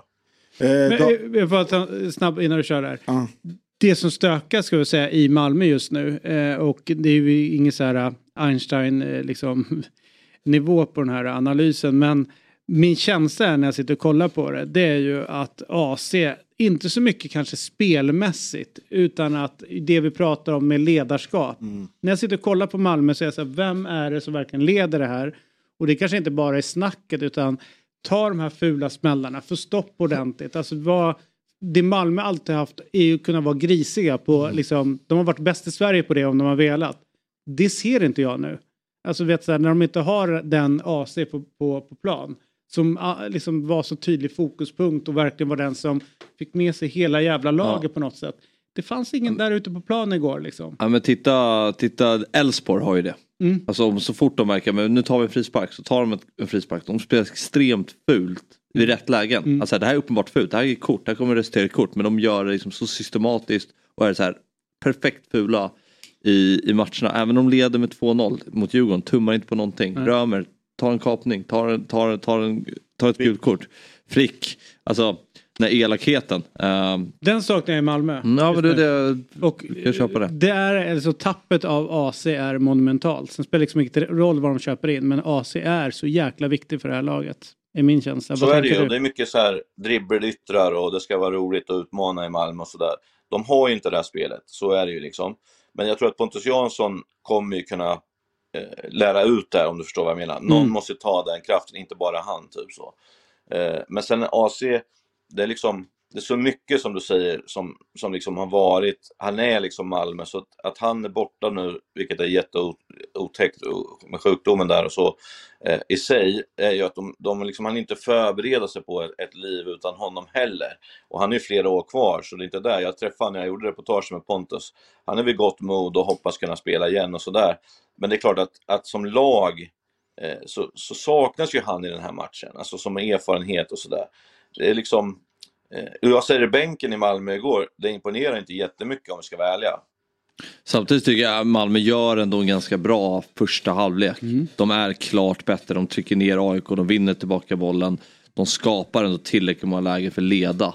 Uh, så jag tycker att de ändå gör en bra match uh, under stora delar av den. Sen kommer avbrottet och det påverkar ju naturligtvis mycket. Men första halvleken tycker jag är bra. Mm, kommer väl egentligen sämst för AIK? Ja.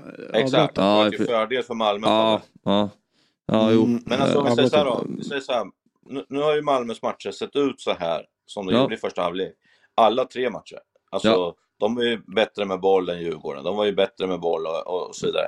Eh, mot Mjällby. Men de gör ju inga mål och det gör ju liksom att det är svårt att vinna fotbollsmatcher. För gör de 1-0 och spelar sådär, då är det bara att ge upp, för då är det hur jobbigt som helst. Men nu, nu är man bra med bollen, man sätter inte dit den och då får man jätteproblem helt enkelt. Och så länge det lever, alltså det är klart att de var bättre än AIK första halvlek, men att inte AIK är 1-0 på den eh, Nicky Modesto, det är ju Ja. dödsstraff. Ja, Alltså. precis. Eh, och, och liksom, det är där jag menar att det är någonting som inte riktigt kittar i, men det är under utväxling. Och jag, jag tycker väl att han kanske växte in i det, Jörgensen. Jag tyckte han var otroligt svag i första halvlek. Det var ju liksom Mm. bara spela bollen tillbaka och bara tog inga risker, inga chanser, ingenting. Bara gjorde enkelt, enkelt, enkelt. Han behöver steppa upp och det kommer han göra. Man ska inte såga honom efter en match, men han behöver steppa upp. Eh, Men jag tycker att de gör rätt i Malmö genom att köpa yngre, lite dyrare spelare som ska ta dem till nästa steg Mm. sen. Liksom. För att de kommer vinna, det tror jag vi alla förstår. För Römer är på väg bort ju, enligt allt skvaller eh, ifrån eh, Elfsborg. Och det blir jättetufft att hitta en ersättare där. Det sa Mm. man likadant om han som var innan. Holst. Eh, så Römer fyllde det där hur bra som helst. Men frågan är om, om Thelin är... Han är otroligt bra. Han är en av de vassaste jag vet. Men kan han hitta en tredje exakt likadan? Det, är, det blir intressant att se. Men är det inte bara så att det har gått halva säsongen nu, Rydström kommer med ett nytt spelsätt, motståndarlagen läser av det bättre. Man kollar de här tre matcherna, Mjällby ligger lågt, Djurgården ligger lågt, tillåter Malmö ha bollen och sen kontra. Eh, Att det är, eh, man har mer att gå på nu, Malmö, och kanske att de behöver hitta andra verktyg. Kanske utveckla spelet lite för att bli ännu farligare. Kanske lite mer rakare när man kan vara rakare till exempel. Jag vet inte, men att, att det är spelet, nu vet motståndarna hur de spelar. Alltså problemet är ju att eh, du måste gå all in när han vill förändra som han gör. Och han spelar ju med överbelastning på en sida. Ja. Alla flyttar över. Eh, och, och liksom det blir lite skolgårdsfotboll där om man säger. Och kemin däremellan och den sitter så är det jättejobbigt för att det är folk överallt och liksom allt det där. Eh, eh, och det är klart att folk börjar titta på det, hur, hur man ska göra. Samtidigt är de ju jävligt bra på det och det är små marginaler som du säger. Och gör de 1-0, det, det kommer vara jag, jag vet inte om något lag kommer kunna vända mot dem om man ska vara ärlig. Men, men liksom det gäller för dem att få 1-0. Påminner ju väldigt mycket om Manchester Citys sätt att spela ju. Alltså, och Barcelona när de var som bäst. Liksom att de har mycket boll, de tröttar ut, de spelar och sådär. Men jag håller med om att det behövs en edge till. Och, och, och den tycker jag kommer på fasta nu med, med Pontus också. Eh, att det blir lite tyngre att möta det också. Men jag tror liksom att det där extra snäppet, det kommer vi få vänta med till nästa år för att eh, de behöver sätta den här grejen ännu mer. Mm. Men Om vi kollar på AIK då. Alltså, Fjäll, du var ju liksom inne på att du tycker du ser stora förändringar med AIK med Henning Berg kontra Brännan. Vad, vad tycker du? Alltså, ser du några stora skillnader? Eller vad ska de göra för att ta de här poängen? Alltså, så här, vad ska de göra för att vinna hemma här mot Malmö? Eller inte förlora mot Häcken? Alltså, nu slog de ju BP, där var de bättre. Men liksom, ser du de här stora skillnaderna eller tycker du bara... Och det var ju under brännan. Ja, att de vann mot BP berodde ju på Brännan mer. Men, eh, men de kör ju Eller- 4-4-2. De vann ju borta mot eh, Varberg. Det är den du menar ju. Mm. Mm, förlåt, Eh, exakt. De spelar 4-4-2 och, och jag, jag är förvånad. Eh, jag fattar att han vill göra det. Men det går inte att göra det mot Häcken. Och det ska egentligen inte gå mot Malmö heller. Så eh, i första halvlek ska ju liksom, Malmö måste göra mål där för att de har så mycket boll och spelar så pass mycket, men de gör inte. Men sen får de ett bättre bett i andra, eh, AIK. Och mycket beror ju på att de vågar spela sig ur och sådär. De är ju under en, en eh, inkörningsperiod för 4-4-2 där laget springer och liksom kämpar och sådär. Men man vet också att om man har gått ifrån 3-5-2 till 4-4-2 så kommer det bli eh, i träningsmässigt, också det fysiska, att det kommer gå upp och ner. De har inte sett vad det är bra än. Något hände med ljudet. Mm. Nu ska vi Nu. se. Nu. Nu är vi med. Nu. Nu. Ja. Det var ju kanske det bästa jag sagt någonsin på Fotbollsmorgon, så bryts det liksom. Ja. drar ur sladden. Det är det helt Ja, otroligt. är... ja. Nej, men det jag menar är att man går från ett- ett system till ett annat, man tränar på ett annat sätt och allt det här. Och det är därför jag menar när Fabbe säger att AIK är för bra för, för det här. De kommer få sin svacka och det märker man i matcherna. De orkar en halvlek mot Häcken, de orkar typ 60 mot, eh, mot Varberg och nu kanske, om vi är snälla, 45-50 minuter. Mm. Eh, Mm. eh, de kommer få de här svackorna. Det kommer inte liksom och det är den som är då till exempel mot Sirius och så här. Det blir förändringar i truppen och gruppen och sådär typ som gör att det fysiska kommer gå lite upp och ner. Så de kommer få en svacka de med här nu snart. Och det är då som är frågan, vad händer då? När man är ett stort lag och i botten alltså. Det är Men- då de är illa ute. Om du, om, du tar, med- nej, men förlåt, om du tar Henning Bergs eh, matchcoachning då, då alltså du säger att de, de, AIK behöver springa väldigt mycket i sitt system, de blir väldigt trötta. Han väntar ju jättelänge med byte mot Varberg, han, väl, han väntar jättelänge med byte mot Malmö också. Bytena mot Malmö kommer ju 80 det gör de ungefär mot Varberg också. Eh, han litar inte riktigt på gruppen än. Han är ganska ny och har inte sett dem eh, spela. Och då vill man ha det där man känner till och det bästa på planen så länge som möjligt. Eh, så han är inte inne i en period att småchansa med någon spelare i 60 minuten och sådär. Utan han vill ha de han kan lita på, de han känner att han har kört. Och då, då kan jag tänka mig att han drillar en startelva hela veckan och då försöker han köra dem så länge som möjligt bara. Och sen så kommer det där sköta sig. Men, men det, det, det tar jag på erfarenhetskontot, liksom att han, han drar inte in någon på skämt bara lite för att se hur det går. Som de andra lag, liksom, lagens tränare som har varit i gruppen länge och vet vad som, vad som kan innebära på, på inhoppen. Utan jag tror att han, han går på safe bara helt enkelt. Mm. Härligt. Eh, vi ska försöka rulla vidare i programmet och prata lite grann om eh, det som händer på läktaren. Men det tänkte vi inte göra med dig. Du ska få slippa prata om det eh, idag. Eh, utan du får prata om det som händer på plan. Återigen, stort tack för den här morgonen. Jävligt svag för det här växthuset du sitter i. Eh, måste jag ändå säga. Det är, eh, det är fina grejer. Ja, man slutar aldrig förvånas av din idylliska miljö du har där. Jag tror att det är andra gången jag sitter där inne någonsin faktiskt, om jag ska vara ärlig. Vi hade, byggde upp det för ett och ett halvt år sedan. Men det var rätt trevligt faktiskt. De andra ligger och sover. Jag säger det, vi är jetlaggade. Vi har varit där i 12 dagar. Det blir jävla tufft med den där timmen. Alltså. Ja, jag fattar. Ja. Men sen måste jag ge dig cred David för det är många som har vunnit VM-guld första veckan i både herrar och damer. Eh, men sen har åkt ut i kvarten och alla står där med långnäsan. Mitt favorit-VM 1982 när Västtyskland och Italien går knappt vidare från gruppen. Västtyskland får stryk av Algeriet i, i sin match. Italien spelar tre raka kryss. Alla eh, skrev att de kunde dra åt helvete, de skulle få gå hem till fots och de var odugliga. Så spelade de fantastisk fotboll i gruppspelet sen som ledde fram till finalen med de här två lagen. Så sitt i båten, Gerhardsson och Wikman har full koll på vad som händer. Och, och som sagt, du får inte mer än tre poäng i, i gruppen. Du får, du, du, det spelar ingen roll om du vinner alla matcher med 10-0. Det ska ändå spelas vidare sen. Så slåss för det där David, för det där är man rätt trött på faktiskt. Härligt, tack. Det Håll, värmer. vi instämmer här också. Eller? Nej, men då det? var det ju fel David. Är Fabbe med oss, då är det fel. Nej, det ja, är måste, vi måste hitta någonting annat. Någon annan kulle att dö på istället. Nej, får inte bli den. Fabbe. Du får kämpa på. Du får Ja. kämpa på oss. Det, det får du också Kalle göra. Tvärvik, det är ju Fabbe det alltså. Fy fan. Härligt att ha dig hemma igen eh, och eh, skönt att du överlevde. Portugal, ha en fantastisk dag. Sitt kvar där i, i växthuset. Det ser ut att bli en kall dag i Närke denna måndag. Tack så mycket.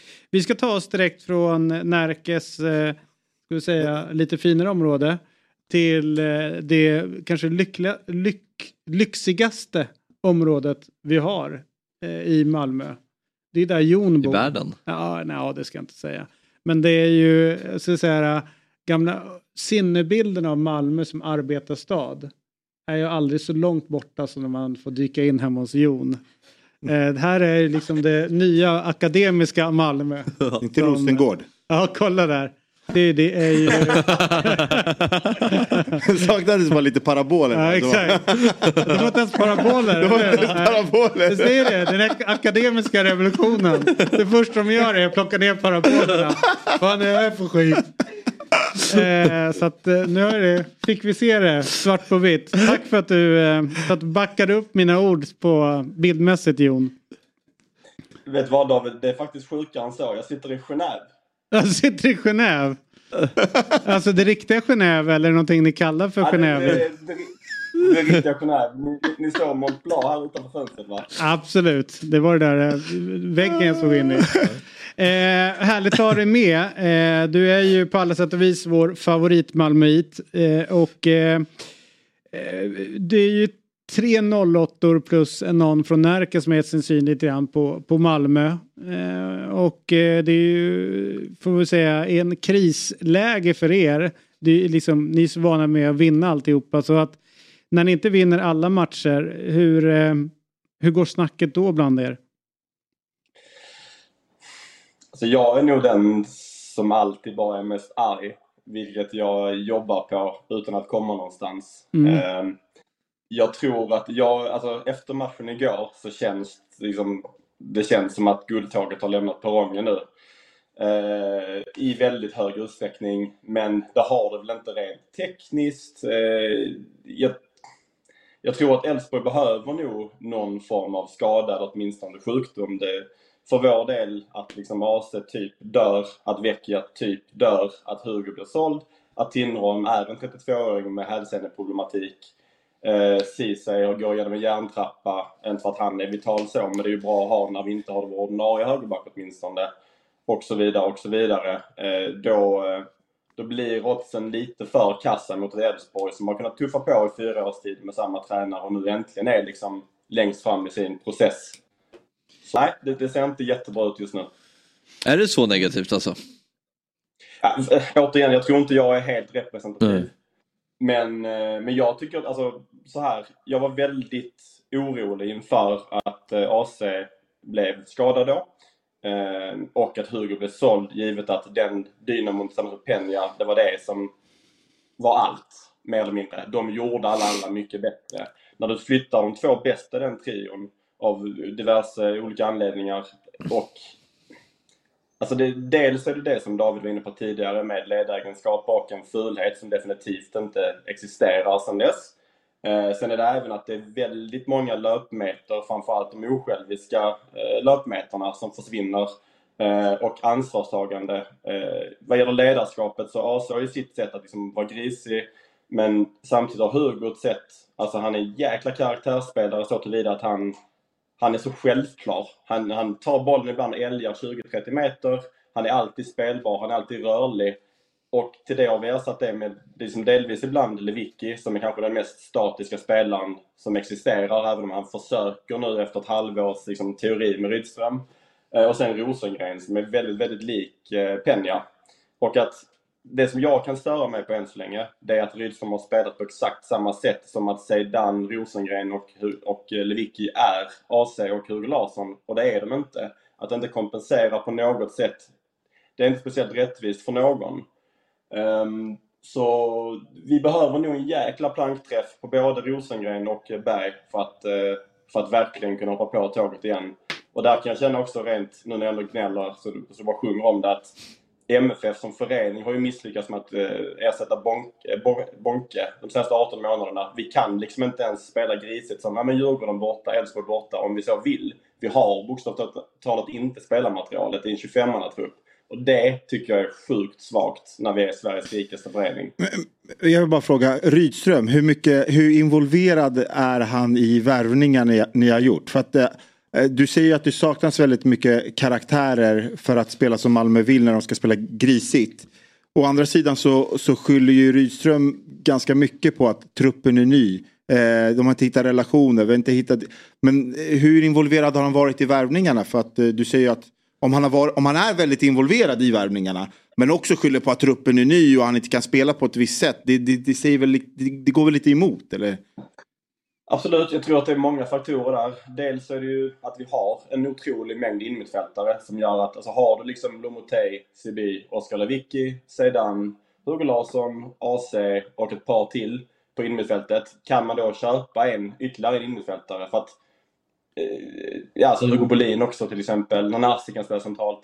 Kan man liksom addera en tionde spelare då eh, samtidigt som man, vill se, som man vill hävda att man har eh, spelare som kommer underifrån och man vill ge dem chansen och för all del eh, jag, jag, vet, jag, vet, inte riktigt hur, alltså, han har också bara varit i föreningen i sex månader. Nu första fönstret där han verkligen kan liksom applicera sin röst och liksom sina tankar kring det, så får han ju in Berg. Och det är det jag menar, jag lägger nog snarare det på Malmö som förening och deras otroligt kaosartade 2022. Mm. Du, eh, både du och jag satt väl och kollade på matchen igår eh, och hoppades på lite olika resultat. Du eh, skrev på Twitter, detta är kanske det sämsta AIK har sett. Vi måste kunna skapa fler målchanser. Så vad var det som inte stämde igår? Alltså, primärt, alltså jag, jag landar väl på liksom mittfältsdiamanten eh, igen, liksom den centrala. Att Lewicki, eh, han har många förtjänster. Han har väl tappat rätt många av dem de senaste två åren då han har varit skadad mycket. Men att vi har honom där istället för liksom, ja, men Peña eller Hugo Larsson beroende lite hur de spelar, deras fötter, hur de rör sig med boll, slår de på en och flyttar sig vidare. Att vi istället har honom som har lite skridskor på sig och får en handgranat vid fötterna. Det blir, vi tappar otroligt mycket där i omställningsspelet. Och det är väl just en sån spelare, alltså om, att vi inte, om vi inte har ersatt Bonke, Bonke så har vi inte ersatt Bachirou heller. Och det är väl någonstans det vi kommer få i, eh, förhoppningsvis i Berg då, från danska Randers. Ja. En spelare som dels kan liksom positionsspelet, dels har liksom fötterna. Eh, så att, att liksom omställningsspelet där ska kunna gå uppskattningsvis 3 miljarder snabbare, gånger snabbare. Jag tror att det är det som vi havererar på till stor del igår. Sen också, det känns lite som att laget angående AC Hugo Larssons eh, frånvaro då, den, de har inte lyckats bygga, definitivt inte relationerna igen. Men de har inte heller lyckats bygga upp en tro på att ja, men detta löser vi som lag.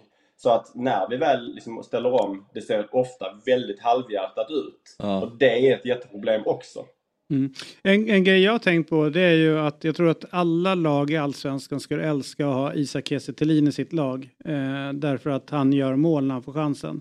Men vad sällan det är Malmö spelar för att sätta honom i, i läge för eh, att göra mål. Att det tar så, Mm. de har tidigare, de har läge att tidigare sätta in bollen på djupet, de har läge att tidigare slå in bollen i box och han är oftast på plats. Men de kommer inte, då blir ju han eh, liksom reducerad till vad då egentligen? Alltså det, jag förstår liksom inte hur de tänker kring, kring honom. Nej, det, det blir jättemärkligt och det, tittar man på hans siffror efter matchen igår också då så, så gör han ju en match som nästan blir hädisk och alltså, jag tycker att det är som du säger också att det, det är liksom delvis att han, när han väl liksom får bollen vid fötterna så är han inte hälften av den targetspelaren han var för två år sedan i den förra sessionen. Men, men vi spelar ju verkligen inte till hans styrkor heller. Det blir ganska omgående bättre i takt med att Hugo Bolin kommer in och ersätter de där eh, osjälviska löpningarna och har, är mer i rörelse. Eh, då, då får vi den chansen till slut eh, med mm, vad landar det egentligen? Ja, det landar kanske inte jättemycket ändå, men det ser mycket mer ut som det Malmö som såg bra ut under våren åtminstone. Och det, jag har pratat mycket med, eller pratat, jag har frågat mycket eh, kring det efter presskonferenserna med Rydström under våren också. Hur, hur tycker du liksom att Isak Kiese är tillräckligt involverad? Involverar ni Isak Kiese tillräckligt mycket? För att defensivt gör han ju ett jättebra jobb. Men, men är han tillräckligt involverad offensivt? Eh, och det, då har jag fått lite så här sju minuter långa mm, mm, mm. Nej, det är han svar. Men en match senare när han varit mer involverad så säger han alltid jo men vi har tränat mycket på att få honom mer involverad. Så att någonting gör de, men det stämmer ju inte. Och det, det är väl en av de grejerna som också gör mig frustrerad med Rydström än så länge. Att återigen, vi har tappat våra viktigaste spelare men vi har inte ändrat taktiken överhuvudtaget. Vi har liksom inte, är inte sen. Relationerna till hans försvar samtidigt, de tar väl tid att bygga upp. Och det är en jäkla spelarväxling just nu. Inte minst till följd av skadorna heller. Och angående ledargrejen så liksom Vecchia, AC, Hugo Larsson och Tinnerholm, det är kanske våra fyra största ledare. Så det är ju jävligt mycket som är emot Rydström. Men jag tycker inte han har gjort det bra. Bytena är en annan grej. Eh, bytena kommer alldeles för sent. Eh, att det inte blir ett byte på Gisselin. Nej, det, ni hör. Jag är inte, jag är inte 100% nöjd. Eh, Stöket på läktaren måste vi nämna. Jag blev ju väldigt förvånad över, eh, jag har en sån så här rosa skimmer eh, romantisk bild av att i Malmö där pågår inte sånt där. Sånt här saker händer inte runt eh, MFF Support med inkastade bangers eh, som det blev. Det var länge sedan Malmö behövde avbryta en match känns det också. Ja, men också att, inte, att de inte hade det i sig. Att de, eh, ja, men jag har så oerhört liksom, höga förväntningar på liksom, Malmö supportrar. Du är snäll nu. Nej, jag, på riktigt jag har det. Alltså deras engagemang, medlemmarna vad gäller medlemsmöten. Där de har liksom vissa tydliga principer. Så här, det här får man göra i Malmö, det här får man inte göra i Malmö. Och då är det Dubai kanske det tydligaste exemplet. Eh, att det, liksom, det har alltid varit väldigt mycket stötta. Det har varit väldigt lite saker från läktaren som har påverkat liksom, laget historiskt sett eh, Mm. vad gäller Malmö. Så jag blev lite förvånad över att i match mot Malmö just så, så hände det här. Är du förvånad över det vi fick se på läktaren igår, Jon? Tyvärr kanske inte lika förvånad. Eh, Vi har väl en gruppering, ingen nämnd, ingen glömd, som kanske inte är... Men som kanske har det i sig. Eh, be- Bevisligen hade det i sig. Och det, jag är otroligt trött på det. Eh, det för mig, alltså så här. jag är inte rätt person att döma någon och jag tror inte att mitt fördömande heller gör sådär jättemycket. Eh, jag tror att det som jag vill att de här personerna gärna får ha i åtanke, det är att de förstör väldigt mycket för en väldigt stor eh, andel människor. Delvis liksom direkt på läktaren går det väl 30 000. Är väl ett par hundratusen åtminstone hemma i TV-sofforna som tittar runt om i världen. Um, och uh, det kommer ju komma repressalier förr eller senare. Jag kan tänka mig att i takt med att vi sitter här nu kvart över nio så sitter det nog rätt många mäktiga människor runt fikaborden i Sverige och tänker på detta, att detta är perfekt. Att detta är något de kan använda som eh, mm. ammunition i sin, sina kommande villkorstrappor och liknande. Så att eh, det är väl eh, någon form av sans jag vill mana till om något. Mm. Eh, för, för oss som, eh, eller för de som tittar på det här och eh, lyssnar och inte fattar, varför är det så känsligt det där med, med flaggor och, och banderoller? Ja, och, och, här blir det ju återigen eh, angående att jag inte vill sitta och vara alltför kategorisk i mitt fördömande. Eh, jag menar, jag lever ju ganska stor del för fotboll och en väldigt stor del av det för min del är liksom supporterdelen av det. Jag reser rätt runt, runt rätt mycket, jag ser fotboll runt världen. Jag har en kompis som var med och startade Malmö Supras, ett par av dem till och med. Ehm, och då, då blir det svårt att så här cherry pick lite, men detta gillar jag av Supras ultrastrukturen, detta gillar jag inte. Men just delen med, alltså den här liksom, jag vill, jag vill inte heller kalla det liksom den här primala delen, för mycket av det av fotboll, liksom supportskap är ganska primalt, man står och skriker. Jag tror att det fyller en funktion i samhället, jag tror det är bra för, för liksom män kanske i synnerhet att få det ur kroppen, men just delen med att ta varandras flaggor, bränna dem eh, och sen smälla, kasta in bangers för att markera mot det och sen blir det liksom bengaltennis. De delarna hade jag kunnat välja fritt om jag vore, låt säga, Gud. Då hade jag mm. gärna tagit bort det för att återigen, jag tycker det förstör väldigt mycket. Eh, och om jag sätter på mig lite så här moralpanik-tanthatten eh, så jag vet inte, jag har en fyraåring och en sjuåring hemma. Hade jag varit supersugen på att stå i den klacken med dem? Nej, det hade jag inte. Det kommer, alltså, det kommer påverka mitt beslut efter vad gäller att eh, åka på AIK bortamatcher. Eh, då jag inte är i vackra Genève. Nej, men, jag förstår. Eh, ja. Jag ja, men, så, alltså... så, så, ja. Nej, kör. Nej, men det, det, alltså, i, det, det, är, eh, det är ju en debatt just nu i Sverige om det här. Och liksom så här, det, det du är inne på att leka Gud. Det, det har ju liksom lagt sig lite att så här, man kan inte få det ena och, och eh, heller inte få det andra. Så det, det kom, de kommer ju med hela paketet. Men och så här, eh, om jag ska ta från mitt perspektiv. Ja, alltså så här, vad de vill göra, om de vill sno flaggor från varandra och det är deras... Alltså jag är så här, gör det. Alltså ni, ni är likasinnade där. Alltså det, ni är på samma liksom så här, ni kör med samma villkor. Men, och du vet så här, och, och, och tända bengaler och rökbomb tycker jag också är skitnice. Men när man börjar, när det ska börja kastas, både bangers och bengaler, där oskyldiga kan drabbas. Där, där drar till och med jag min gräns och jag har all respekt för ultrasupporter och allting. Men jag, jag satt ganska nära Malmöklacken och vi satt med barn. Alltså de vart ju livrädda för de här bangerserna som kastades in. Och, eh, och det är så här, ja, ni, ni, det är samma villkor. Man får sno flaggor från varandra om man träffar dem. Men varför då markera med att och kasta in en banger på planen. För det är som du och jag diskuterade innan Fabbe. Det är så lätt för någon att avbryta en match. För den där lilla bangersen, det är ingen, det är ingen liksom, det kan man smuggla in lätt. Bara, bara kasta in den så avbryts matchen. Eh, där måste det, där måste, det är ändå en grej som man skulle, borde kunna diskutera med dem. Man säger, gör er grej, men skit i bangerserna.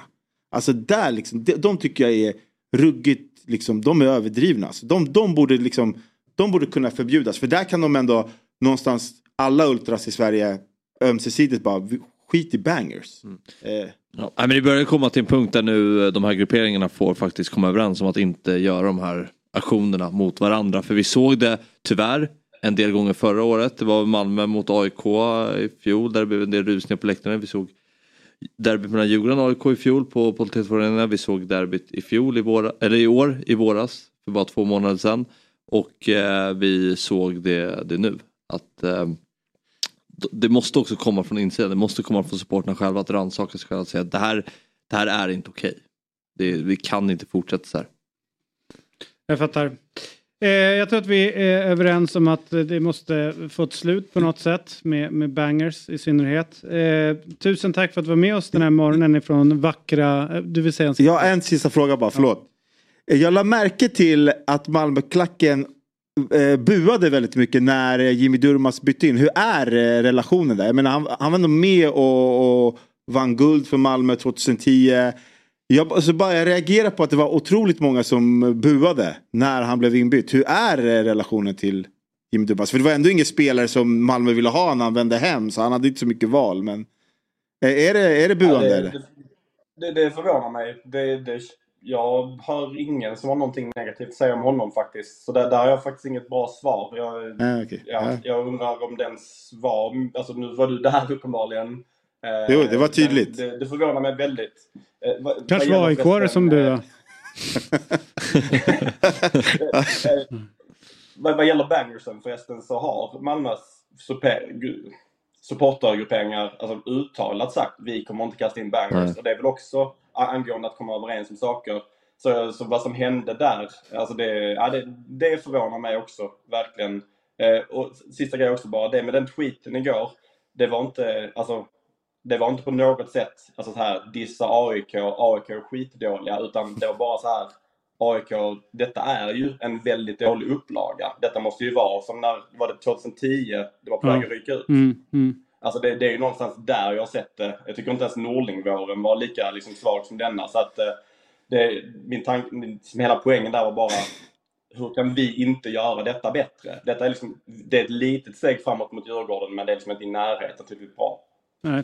Jag lyckades faktiskt läsa in det i din tweet också så att jag fattar att det inte var jättediss på det sättet. Eh, god morgon återigen, härligt som alltid har med sig Jon Nordström, vår, eh, vår favorit Malmöit. Får Mm. jag ändå säga. By far. Han, eh, verkligen. Ja, han är fin. God morgon återigen, ha så bra i, i findelen där utav Malmö. Du säger bara att du är uppe ner. Det där är Malmö. De- Ni har plockat ner jobbet. Och de har ju små områden. Det är lilla Beirut, det är Plocka Genève. Så gör det. Härligt, ha en bra dag. Och som alltid så finns ju Fabbe på telefonen. Exakt, det är bara att höra av dig. Det är bara att ringa. Alright, vi, vi, ska, vi ska ta en kort paus Ja. bara eh, och så är vi strax tillbaka.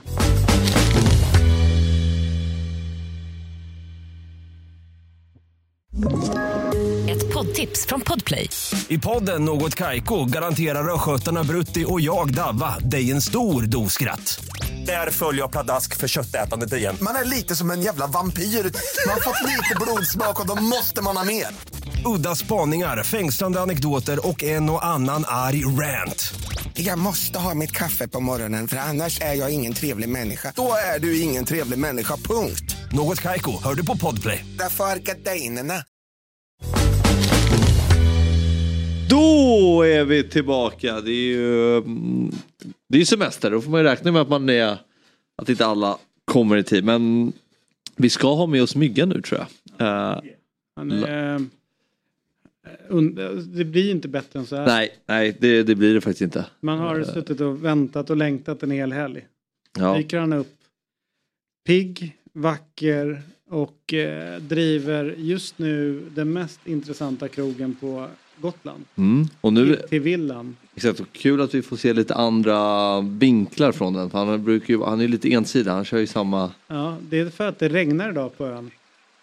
Eh, myggan. Eh, det ösregnar. Ja, du har ju alltid sagt att eh, jag hittar på när jag säger att det regnar. Men idag regnar det. Det är inget Det snack. ösregnar, verkligen. Ska jag göra det hela dagen?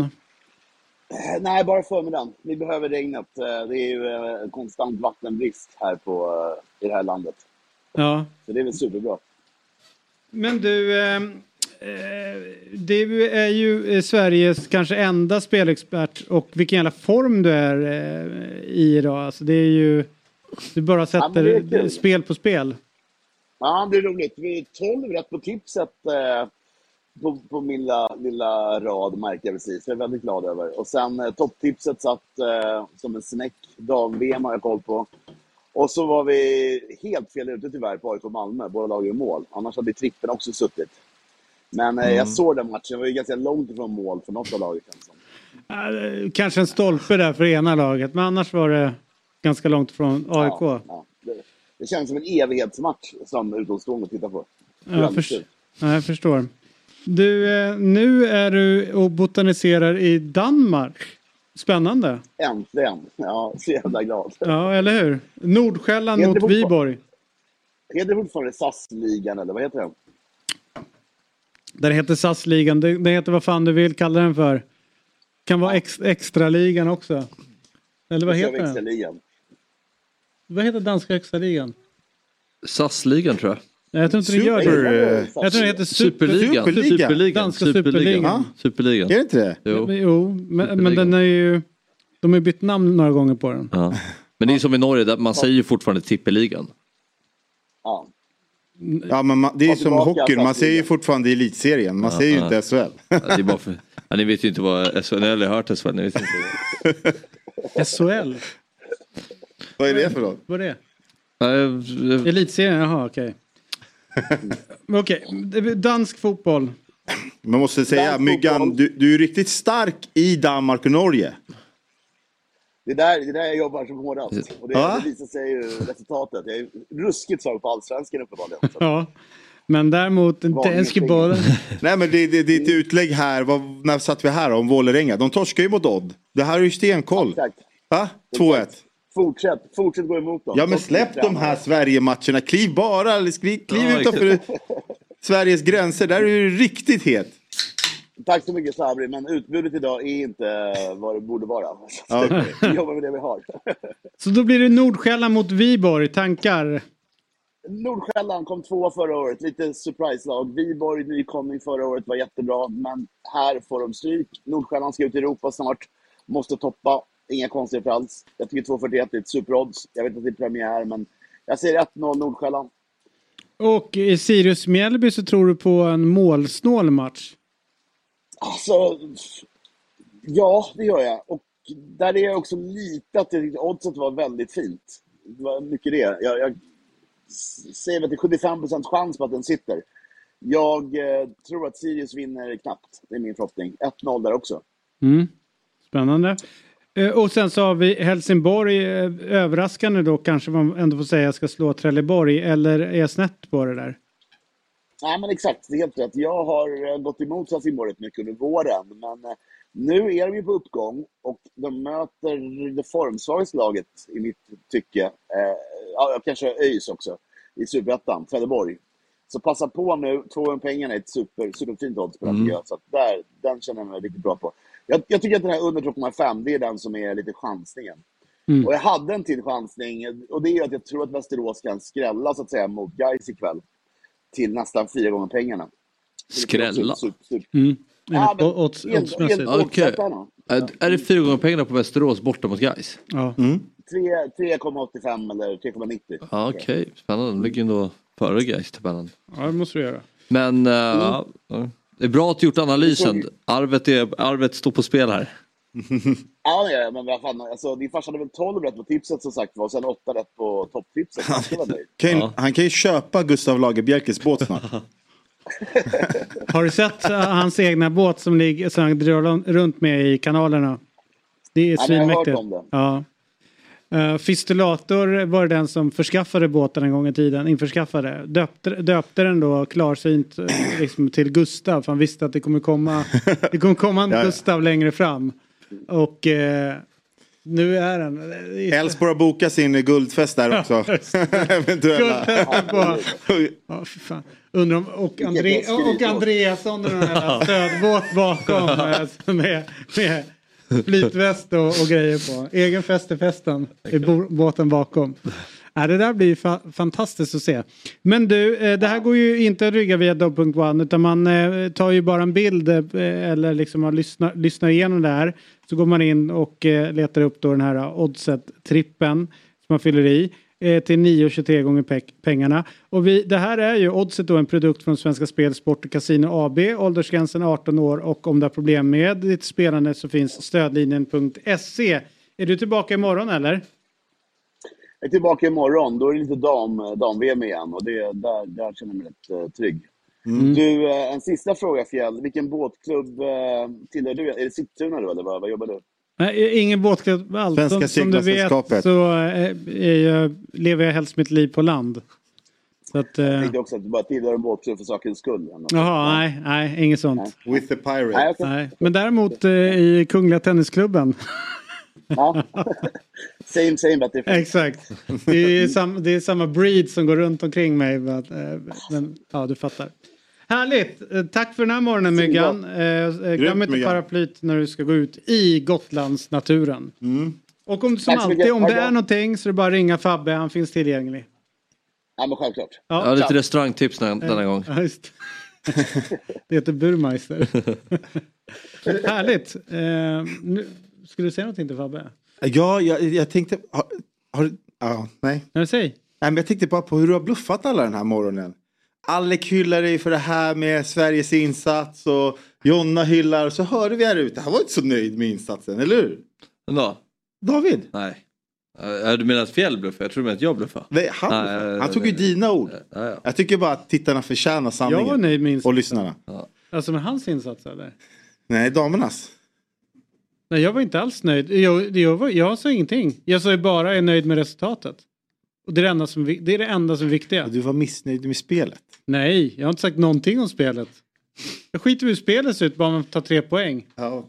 Fan, vi skulle haft en mikrofon där inne. Långa bollar, gärna 1-0 på övertid medan andra laget har tryckt på. Bästa segern. Ja, alltså, vi håller ju med. Men det var inte så det lät innan. Ja, ja, ja. Nu försöker de sänka fjäll här, men det går inte.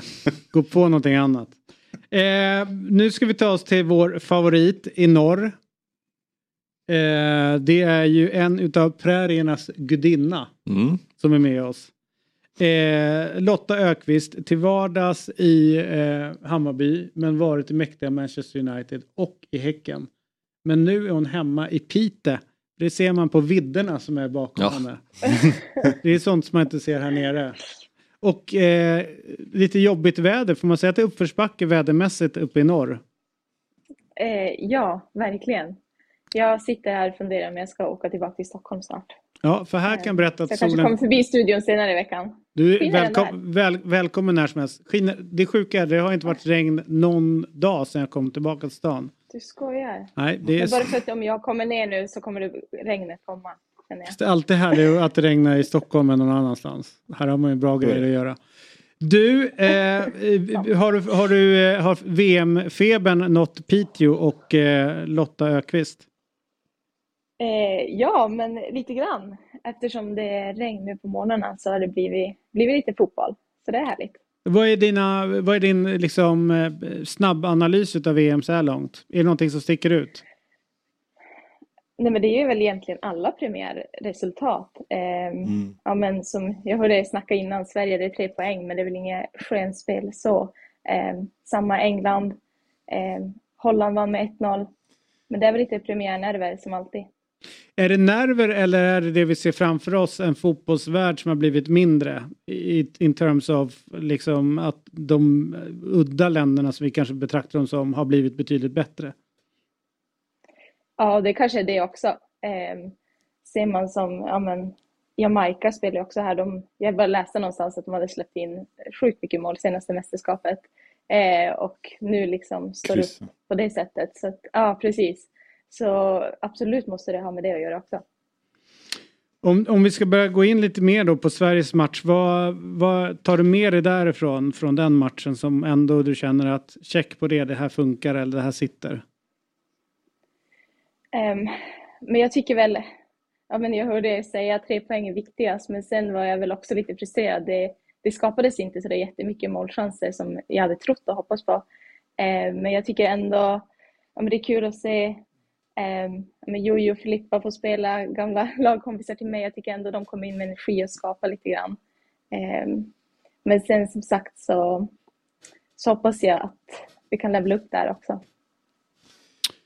Ja. Jag, jag tänkte på en sak, så här, Gerhardsson, han gick ju ut efter matchen i Viaplay Studio och liksom, ja, men, inte klanka ner, men han liksom sa, så, han gick ut och bara, men spelarna känns nervösa, de visar ingen mod eh, och att han liksom tyckte att, att de erfarna spelarna gjorde för mycket misstag. Men typ som spelare, om man kanske inte känner likadant, alltså tittar man, lyssnar man på vad en, vad ens tränare säger i studion och hur, så här, hur påverkas man av det? Liksom?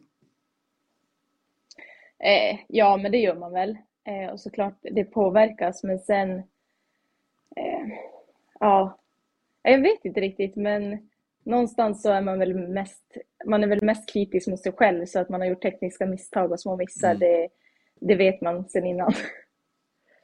Ja, Men jag tycker det är ganska skönt att höra också, då, då gäller det bara att skärpa till sig. Köper det. Du ska säga något? eh, Nej men eh, du var på gång så. Nej, nej, kör du. Jag tyckte du Sverige var för feg eller för bekväma med, med bollen? Men kanske det saknas lite tempo. Man, Mm. eh, Jag vet inte vad ni kände, men man ville bara liksom, kom igen, alltså skruva upp det. När de Mm. väl liksom gjorde någon kombination eller en snabb omställning, då, då blev det farligt. Och eller när Ruben som tog den någon gång, vet jag, och bara drev igenom. Det känns som de kunde ha gjort det oftare. Du, målvaktsfrågan var ju lite intressant innan om det Lätt skulle att bli... sitta här och säga. Ja, men om det skulle bli Mm. Musovic eller om det skulle bli Falk som skulle ta den. Nu blev det Musovic i, i premiären. Hur ser du på vem som ska stå? Vem är den nya nummer ett? Oj, svårt att säga. Ehm, hon spelar ändå i Chelsea och ändå spelar en del matcher, så, så hon är en otroligt bra miljö. Medan jag tycker, jag spelade i Häcken förra året och tycker Falk var bästa målvakten i, i damallsvenskan i alla fall. Så att, eh, ja, men det är tufft. Jag antar att de kör en analys på träningarna där, vem som har gjort det bäst. Eh, båda är stabila. Sen, Eh, ja, målet, den kanske hon skulle haft och det, backlinjen kanske ställer till det lite innan, men ja, det är svårt. Jag är ju av åsikten att, eller uppfattningen att så länge Linda Sembrant eh, blir uttagen till landslaget så ska hon spela i landslaget. Eh, jag är väldigt svag för henne och med, då med all rätt tycker jag då. Så tycker jag att hon, hon platsar i en, en, en elva. Eh, dels jävla bra uppspelsfot eh, erfarenhetsmässigt. Jag tycker inte att hon inte, alltså om det ska vara snack att hon inte hänger med fartmässigt så tycker jag att hon läser spelet tillräckligt bra Mm. och har allting. Mm. Eh, är jag helt snett på det att sitta och vara lite så här småförbannad över att Sembrant sitter på bänken? Eh, nej men om det är din favorit så, så tycker jag Ja, absolut men, det kan alltså, vara det. din, men din Har han rätt till din, åsikten? Ja, din analys utav. Är, Ja, är, Får han hon- tycka så? Är hon en som ska spela? Eller, eller är jag helt snett på Eh, det? Men kanske en sån här match. Jag tycker kanske som du säger att hon, hon saknar lite, lite speed så, men hon sitter ju på en otrolig erfarenhet. Och sådana här matcher kanske det är det som behövs också. Någon som liksom driver på det och eh, ja, men pushar laget. Eh, jag vet inte, men sen tyckte jag ja, men Ilestedt är otroligt stark i, i luftrummet. Jag tror hon var Mm. på varenda passsituation, så det var ingen skräll att hon fick, fick sätta dit den. Men det är tråkigt att en, avba- äh, att en mittback ska kunna behöva komma upp och avgöra också. Mm, Hon, har, hon har, han hade mest avslut i hela, i, i hela laget. Fem avslut hade han. Blackstenius hade ett Oj. Ja, på det- 70 minuter. Mm. Förväntar man sig inte lite mer av sådana spelare som Blackstenius och Rolf? Rolf Alltså jag tycker, så här, nu vill jag inte kalla ut någon, men jag, kanske Blackstenius var jag lite besviken på i en sån här match. Eh, hon har ett avslut, eh, blir utbytt i 67, nu försvann hon. Blackstenius drog ut sladden. Ja, det är tillbaka. Där är du tillbaka. Ja. ja. Eh, nej men jag håller med. Eh, men eh, jag, jag, jag hoppas och tror att hon, vi kommer få se mer av henne Men- i... Ja, för tar man förra mästerskapet så tyckte jag kanske inte heller att de riktigt steppade upp när det väl gällde. Så jag menar så här, har man, vad ska man göra? För vi frågade Gerhardsson det också, liksom, vad ska vi göra för att liksom få igång dem? De behöver komma igång. Ser man Mm. liksom till Englands stjärna, hon gör mål direkt. Ser man till de andra stjärnor, de gör mål direkt. Hur ska vi få igång dem här? Precis. För att de behövs Ja. för att vi ska gå hela vägen. Ja, nej, jag håller med. Och Rolfö där spelar på vänsterkanten. Det kändes som vi bygger mer på högerkanten. Mm. Men då hitta något sätt att ändå bli involverad i spelet. För att hon, jag tycker hon är Sveriges bästa spelare så att eh, henne måste vi använda rätt och hon måste komma in i det också. Nästa match är mot eh, Italien. Vad vet vi om dem? Och jag har inte jättebra koll på dem, men jag kollade nu innan. Det, det stod 0-0 mot Argentina, så att, eh, det verkar som att alla lag, som du sa, har steppat upp. Jag tänkte att Argentina inte heller var så bra, men Italien är ett lag som... Eh, ja, men de har också tagit kli- kliv senaste, senaste åren. De har väl saknat lite fysik, men det är ett lag med, med finess. De gjorde 1-0 nyss, Italien. Ah, okej. Italien. Medan du pratar ungefär. Ja, där small det till. De hörde dig. Exakt. Boom sa det. Sitter någon jävel i Piteå och sågar oss, nu jävlar. Vad fan cool. Ja, eller hur? Ska visa, nu ska vi få den här jävla liten fotbollsvärld bara kasta åt helvete. Eh, ja men, men eh, vad härligt. Vi ska eh, rulla vidare eh, Lotta. Men eh, kom gärna förbi när du kommer ner till solen här och värmen i Stockholm. Eh, jag ser ju att du är nära vatten där bakom dig så att du bara säga hej till Micke Renberg. Ja, Han bor också vid, vid vattnet eh, där uppe. Ja, men han bor eh, på den här andra sidan vattnet, så det är nära. Ja, okej. Du kan Vink- vink, vinka. Ja, vinka, Vinkavstånd. ja, visst. vinka till dem. Vinkavstånd. Ditt jävla hus han har där alltså. Han, han köpte ju halva, halva Ja, ön. jag är inte förvånad. Ja. Ja. Och det var Här fortfarande sitter då... man i en liten sommarstuga. Ja, Det är som du har gjort med Öland. ja exakt. Med Köpte pizzerian. halva, halva Öland. Gjorde en renbergare. Jag tar allt härifrån och söderut. Tack. Härligt. Eh, tusen tack för den här morgonen Lotta. Alltid härligt att ha dig med. Ja, tack själv. Mm. Eh, och eh, innan vi slutar så är det så att eh, vi ska eh, ha med en hemlig gäst. Ett sent eh, ja. Mm, Okej. Okej. Mm. Eh, eh, Får jag gissa? Lagerbielke? Nej, det var det inte. Simon Tern. Oj, oj, oj. Oer- Matchvinnaren. Oerhört spännande, måste jag ändå säga. Att få med eh, Simon Tern. Eh, en given da- eh, favorit här hos oss på Dobb. Eh, sjukt sympatisk, trevlig. Nästan lite för trevlig för att spela ett lag eh, som man inte håller på. Mm. Men han har ändå varit i mitt lag en gång i tiden. Men inte ditt. Och då var han inte lika sympatisk. Jo, det var han. Alltid fantastisk. Sen gör han alltid mål när han kommer tillbaka. Han gör alltid mål. Och eh, får man säga också en sån här fotbollsspelare som man känner att det är en jävla höjd. Med massa jävla skador har satt liksom, stopp för som, den fulla potentialen. Nu har i alla fall flyttat hem, får man ändå säga, till Värnamo igen. Eh, och såg ett inslag också på Discovery som eh, grep tag om mig väldigt mycket. Eh, där eh, nära anhörig, jag tror att det var farmor. Eller farfar var det faktiskt. Farfar var det som gick bort. Eh, så att det har varit en händelserik eh, Mm. säsong.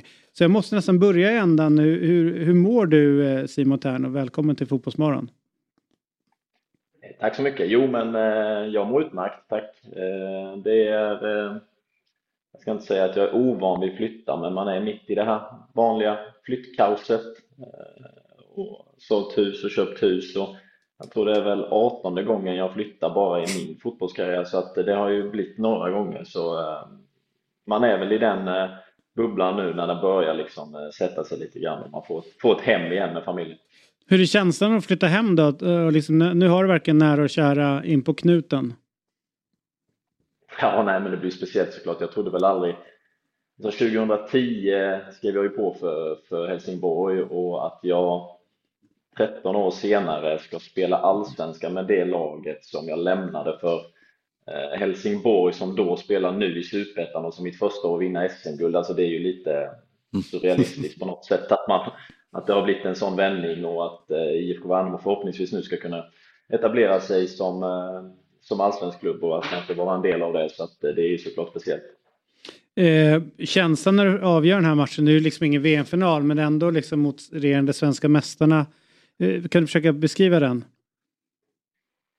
Ja, Viktor Claesson skrev till mig efter matchen att man får väl ändå säga på något sätt att det är en saga om man eh, flyttar tillbaka till IFK Värnamo och sen får, får avgöra med sitt första mål i Allsvenskan mot regerande mästarna. Så att, eh, nej men lite så kan man väl, eh, kan man väl summera det. Det är klart att, att det var speciellt, det var första målet också och haft lite, lite kämpigt med lite ljumskproblem här under, under våren som man nu förhoppningsvis har fått, fått bukt med och, och få, få, få lite kontinuerlig speltid och kunna, kunna växla upp i det.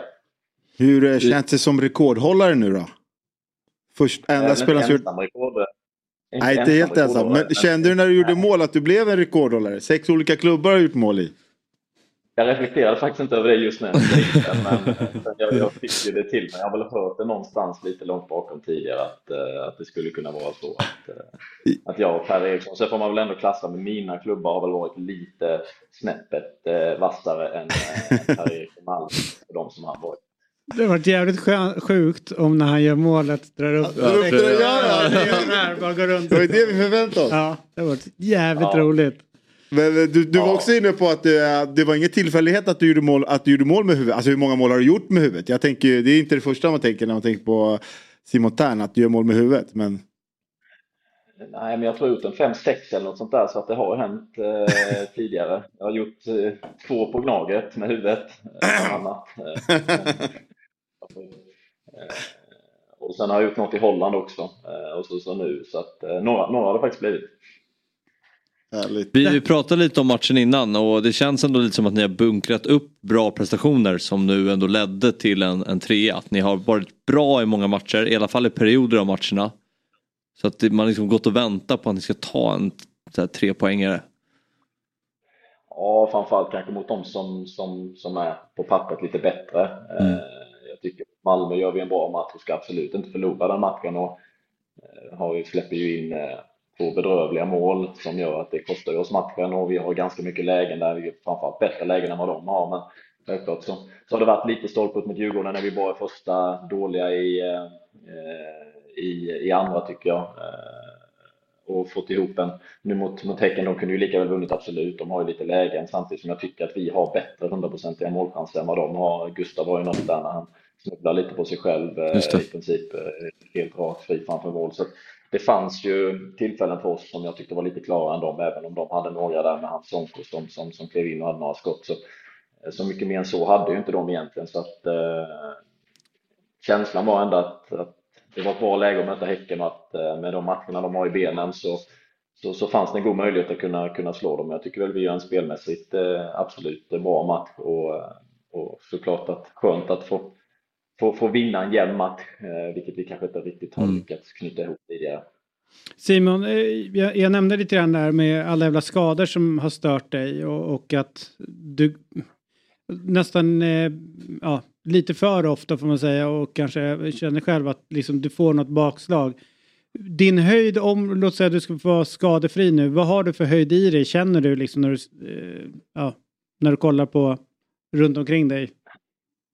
Höjd, jag har väl inte förändrats jättemycket som fotbollsspelare genom, genom karriären så jag har väl fortfarande ett ganska bra driv och, eh, och använder, ju, eh, använder ju skallen i det mesta liksom att försöka vara smart och hitta lösningar framförallt med, med, med passningar framåt. Så att, eh, sen så har det ju varit vissa saker som man såklart inte kan påverka i en fotbollskarriär. Jag menar vissa, vissa, vissa typer av skador går ju liksom att förebygga på, på, på ett litet sätt. Andra, andra skador går inte att förebygga överhuvudtaget och tyvärr så har jag väl fått de typerna av skadorna är viktiga delar av min karriär, framförallt kanske när jag, när jag var lite yngre, när jag var både på gång eh, i Holland där min första, mitt första år som gick eh, väldigt, väldigt bra. Och sen fick en, en smäll som gjorde att jag var borta över ett år. Och det är klart att de, de sakerna påverkar ju även andra delar av kroppen i, i slutändan när det blir de här riktigt allvarliga typerna. Och sen att eh, så har jag ju haft framförallt problem med mina, med mina fotleder och jag har väl egentligen en liknande en liknande skada i, i höger som i vänster, det är bara att jag inte har åtgärdat den och att jag inte vill åtgärda den för att då tror jag inte jag orkar ta mig tillbaka Mm. igen utan nu får man springa runt och, eh, och försöka hitta en, en rytm som passar eh, i tränings, eh, träningsveckorna och, och sådär och just nu så, så funkar det utmärkt för mig. Så.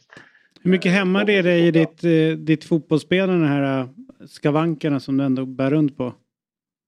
Alltså det hämnar ju inte när jag väl spelar fotboll, men det är klart att eh, du har ett liv vid sidan av också och eh, framförallt kanske ett liv när du ska starta upp och, och kring uppvärmning och att man behöver ju såklart lägga lite extra tid på att, eh, på att ens kunna, kunna ta sig ut på fotbollsbanan vissa dagar. Så att det är väl det framför allt. Sen så, så när jag väl spelar så, så är jag väl inte så hämmad, även om det finns dagar där man blir hämmad. Men till match och så där så hittar man ju alltid en bra rytm som gör att man, man, man är fit på fight när man ska spela match. Och, så att det, men det är klart att eh, det är inte alltid så roligt att ha ont. Vad motiverar, eh, för nu får man säga att du är hemvändare och vi har pratat lite grann där om folk som flyttar hem till sina klubbar och liksom vad, vad ska de hitta sin motivation? Vad gör du för att utmana och liksom se till så att du tävlar på samma höga nivå fortsatt och liksom inte slappnar av nu när du har flyttat, flyttat hem?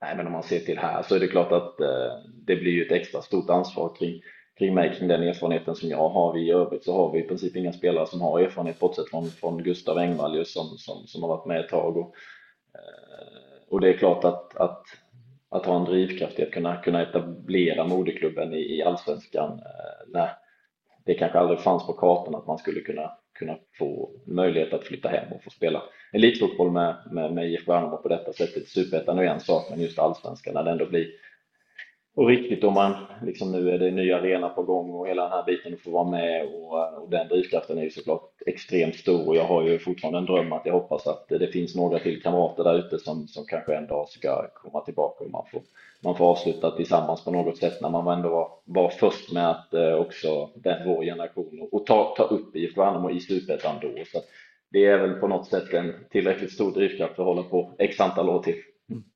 Jag, jag tänkte på en sak. Vad tror du skiljer just Värnamo mot typ andra nykomlingar som eh, kommer upp till allsvenskan? Ni känns ändå liksom mer etablerade. Jag tycker ni, så här, ni tappar Antonsson men ni liksom levererar i år igen. Kollar vi Helsingborg-Sundsvall som, ni, som Värnamo gick upp med. De, har ju åkt, de åkte ju rakt ur och nu går det liksom väldigt dåligt. Vad, vad tror du liksom är skillnaden på att Värnamo är det laget som liksom kommer hålla sig kvar i allsvenskan nu och liksom etablera sig som ett allsvenskt lag?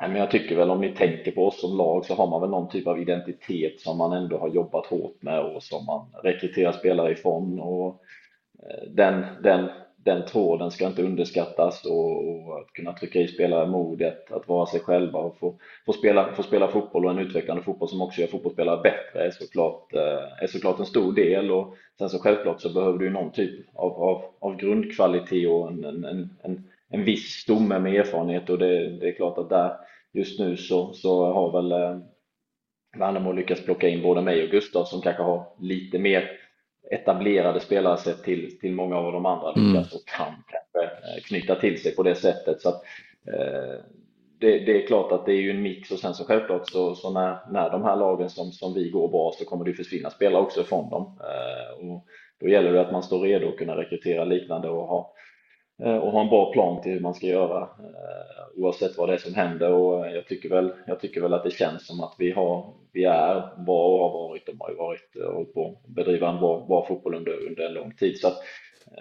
att, att, ha det kontra, det är liksom om man jämför med när jag kom fram för, för 10, 10, 12, 13 år sedan så, så det räcker liksom inte bara att sätta ut ett 4-4-2 och ha skickligare spelare än motståndaren idag utan du måste på något sätt ha någon USP som gör som gör det bättre än, än kanske hur, hur ska vi kunna slå Häcken eller hur ska vi kunna slå Malmö? Ja, vi kan inte gå ner och ställa oss eh, så som kanske man gjorde förr och hoppas, hoppas på på 0-0 och kanske en kontring utan då vet man att då gör troligtvis de lagen 3-4 mål på oss och därför så måste man ju också bedriva ett, ett eget spel som gör att man, man kan eh, att man kan skada motståndarna och slå dem på, på sitt sätt också och där tycker jag väl att vi är ett, ett bra exempel på att man, mm. man kan ju faktiskt fota både Malmö FF i spelet och i princip att ha mer boll än Häcken. Så att det, det är liksom även om spelare för spelare så självklart så överglänser ju de oss i princip på de flesta positionerna. Så att, eh, det gäller ju att ha eh, en typ av identitet och tro på, eh, på, att, på att man kan, man kan slå sådana typer av lag med, med sitt egna spel och inte, inte bli alltför för, för destruktiva och passiva. Nu kommer jag med ett påstående här. Du måste backa mig nu Fabbe. Ja. Bara så det brukar jag göra. Ja, nej, du vet inte fan. Du är Mr Backstabber. Men så här är det. Jag eh, säger att du kommer eh, switcha över och bli fotbollstränare efter din aktiva karriär. Det finns fan få jag träffat med större tränaraura Nej. än Simon Tern. ja, eh, jag, jag har faktiskt inte funderat så mycket på det än om jag ska vara ärlig. Sen så får man ju se vad, vad, vad det ges för möjligheter den dagen man man, eh, man lägger dojorna på hyllan men eh, att man på något sätt ska jobba kanske inom fotbollen det, det finns väl en möjlighet för det sen så det som jag känner är väl just, eh, jag vet ju hur mycket tid man lägger som fotbollsspelare på att, att inte ha så mycket fritt liv om man får säga sig bortsett från de att man har ganska korta arbetsdagar. Många gånger så är det ju ändå att du alltid är liksom låst kring, kring mycket och att vara tränare är ju sju resor värre. Så att, ja, vi får väl se helt enkelt vad, vad min drivkraft blir när jag väl har, har, har slutat spela. Men just nu är min drivkraft att, att vara här och hjälpa IFK Värnamo att etablera sig i Allsvenskan. Sen, sen så får jag nog ta mig en ordentlig funderare och se vad, för de, fall man kan fortfarande skippa utbildningarna eller för man måste gå de där utbildningarna. Jag vet inte. Men för, för, det är ju väldigt få eh, spelare man har hört och egentligen är det genom hela din karriär så har du en förmåga att analysera spelet. Du brinner ju för spelutveckling, Alltså om man har följt dig. De här frågorna ligger ju dig väldigt nära till hans? Liksom, eh, känner du, upplever du att, att du har ett, ett intresse utöver de andra i omklädningsrummet runt liksom det som tränaren pratar om? Alltså på riktigt, inte bara vad ni ska göra.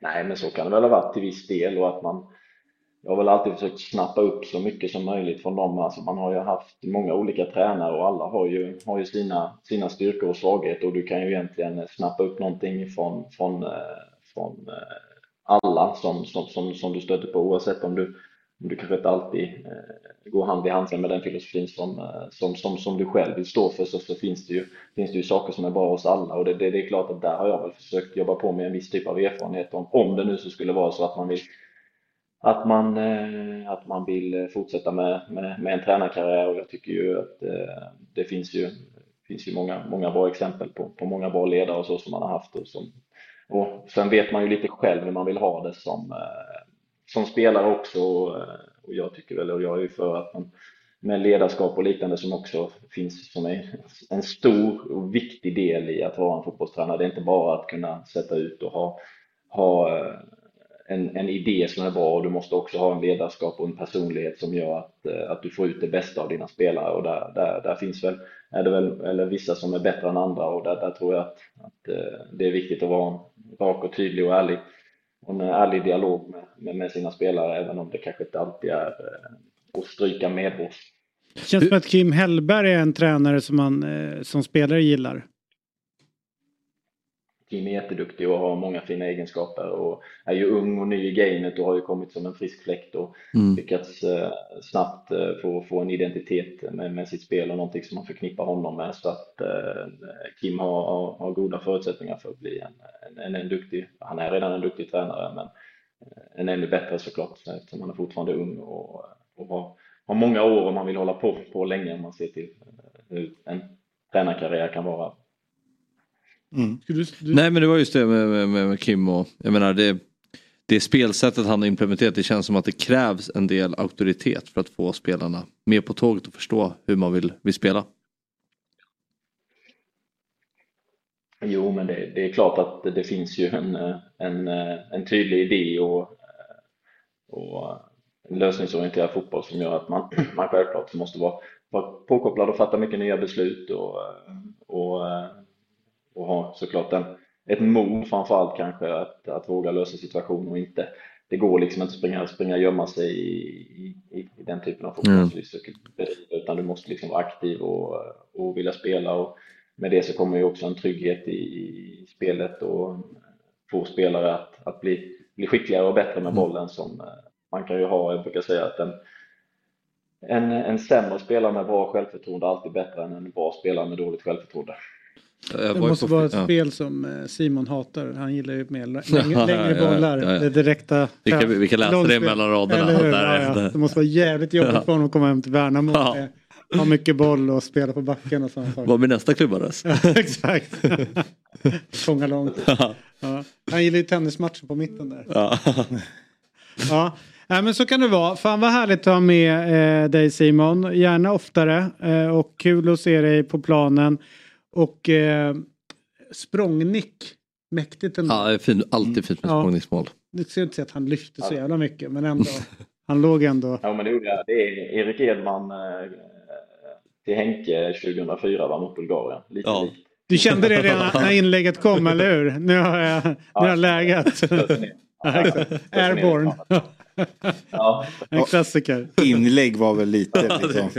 Det var ju exakt. Nej, det var väl inget inlägg. Millimeterprecision. Och så låg han där i luften som ett jävla streck. Ja, avslutet är fint. Jag Aj, skulle inte klassa det som ett inlägg. Årets mål. Det där är en årets- dålig fint. Sen är han ju 2,50 så att han hinner ju glidtackla den. Årets mål i svensk fotboll säger jag. Inget snack om saken. Ja, håller med härligt. Eh, hälsa alla som bör hälsas i Värnamo helt enkelt. Eh, så håller vi kontakten. Yes. Och Absolut, som alltid måste vi faktiskt ta ett låttips till vår playlist. Oj, det var, den kom eh, på uppstuds.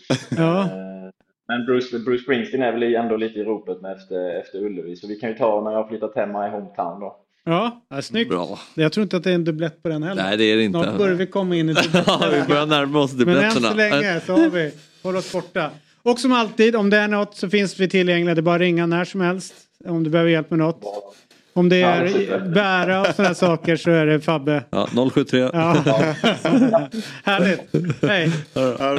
Ha det gött. Hej, hej, hej. Vad trevlig. Ja. Otroligt. Där eh, har vi gått i mål Ja, med denna morgon. Jag måste bara fråga en grej. Eh, och jag blir inte stressad över det. Men vad fan när du sitter och antecknar under programmets gång? Ja, men jag har ju tvångstankar. Ja, du har det? Ja, jag, måste, jag, kan, jag sitter här och ritar fyrkanter och cirklar och sånt där och allt möjligt. Jag fattar, du satt längst bak i klassrummet då? Äh, längst fram. Okej. Det var för att läraren tvingade mig. Ja, jag tänkte- ja. Något var det. Här har vi dagens matcher i alla fall från dam-VM. Eh, Italien och Argentina håller ju på. Det är väl typ 1-0 till Italien. Slut. Slutar med. Så långt håller vi på numera i Fotbollsmorgon. Vi. Tyskland om en halvtimme. Börjar ju snart. Marocko. Kommer Kan Tysk- Marocko skrälla nej, som här laget? Nej, Va? nej, nej. Pallar man med ens? Sen så klockan ett vill man ju se Brasilien. Det vill man faktiskt. Ja, med Pia i spetsen. Mm. Jävligt spännande. Kör Bras- de kör med vantar och mössa där borta eller? De borde göra det för det är svinkallt. Det är ju, Ja. det är ju lite deppig grej när man sitter på tv. Ja. Och ser alla stå där med halsdukar och mössa. Och så kollar man ut. Det är så här, fint väder. Det var som VM 2010 i Sydafrika. Då eh, var det på riktigt. Det var nollgradigt när vi var i, Mm. eh, Bloemfontein. det. Nollgradigt där är ju minus 20 här. Det var så kallt att jag Ja. dö. Eh, Då fick jag låna en mössa, en stickad Ja. mössa. Och ha på mig, jag höll på att dö. Ja. Så på Har vi bild riktigt. på det eller? Nej, då ringer min morsa, skitförbannad. eh, och frågar vad, vad jag håller på med. Så jag så här, jag, jag, jag jobbar. Hon bara, fast alla tycker du är knäpp. Det är årets varmaste dag, du står med mössa. Jag bara, men det kan jag inte säga din dumma jäkel, men man tänker det. Nej, jag bara, det är mitt vintern här. Och hon bara, vadå vinter? Det är så, jag vet så här. Ja. Det tog ett tag innan hon kopplade. Så att det är ju det är jobbigt det där. Med, för det blir en härlig krock. Du vet nu när vi sitter i sommar-Stockholm och bara solen steker. Och så Ja. sitter folk och pratar att det är kallt. Nej, det, det, det är Märkligt. kontraster. Ja. Spännande jobbare för dig som ändå har grekiskt blod i sig med tanke på att det är ganska varmt i ditt land. Ja, det är det är ruggigt varmt. Ja. Men jag tycker, jag tycker VM ska spelas där på sommaren och det ska vara varmt. Det, jag vet inte. Det ska inte vara i kalla länder. nej. Nej, okej, det är bra. Det är en kulle att dö på. Ja, men jag, jag, jag Den kan, det. jag är beredd att dö på det. Det, tycker du, det tycker jag du ska, från och med nu, säga. Att Jag bojkottar om det är kallt. Är det kallt Förutom land. det här VMet. Ja, men nu, nu är jag inne i det redan. Nästa VM. Eh, Det bli nästa VM. All right. Den eh, bästa Quizaleta-säsongen ligger just nu och väntar på just dig. Mm. Den ligger där hemma på dobb.tv. Eh, du missar jättemycket om du inte kollar. Bland annat en imponerande resa du och jag är ute på. Ja, ja, vi är... Vi går bra i år. Eh, och eh, sen så finns ju Dobb Challenge. Ni söker på Dobb Challenge på Youtube så dyker det upp. Och sen så som alltid prenumerera på vår Youtube-kanal. Det är ju jättebra om man får notiser när vi går live. Det kan vara i andra sammanhang än bara här. Eh, och den eh, kanalen blir starkare vilket vi är glada över. Och, och du får hjälp om du så du inte missar något. Ja, nej men det är jätteviktigt. Ja. Så vi ses, inte jag dock, men ni andra. Imorgon, samma tid, samma plats. Och det ryktas om att Robin Berglund är på väg tillbaka från förskingringen. Ja, det... Oj, På tiden. Han var en av de som hämtades från, från Grekland. Ja. Det gäller lilla bytet där. Och ha, ja, precis, men jag åker inte till Grekland såklart. Eh, Nej men det. du har ju köpt en ö. Fan, det är samma sak. En halv ö. En halv ö. Ja men det snart har du Från, bro, från brofästet söderut är mitt. När du köper hela, byter du namn då eller kör du fortfarande på Öland? Lägger ner Böda Sand. Det är det första jag gör. Fjöland. Öda camping. Va? Fjöland. Där uppe ja. Ja. ja. det gillar man inte. Men däremot Byxelkrok om ni inte har varit där någon gång. Längst upp i norr. Mm. Oerhört vackert. Alltså på Öland. Ja, Mm. jättevackert. Alright, eh, vi ska inte prata mer Öland. Vi ses när vi ses.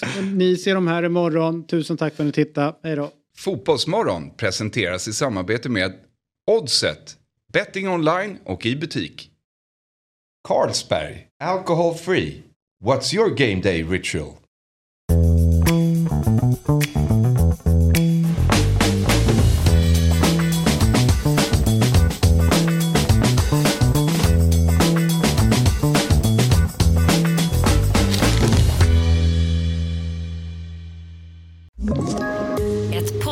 Från Podplay. I fallen jag aldrig glömmer djupdyker Hasse Aro i arbetet bakom några av Sveriges mest uppseendeväckande brottsutredningar. Går vi in med hemlig telefonavlyssning och, och då upplever vi att vi får en total förändring av hans beteende. Vad är det som händer nu? Vem är det som läcker? Och så säger han att jag är kriminell, jag har varit kriminell i hela mitt liv men att mörda ett barn, där går min gräns. Nya säsongen av Fallen jag aldrig glömmer på Podplay.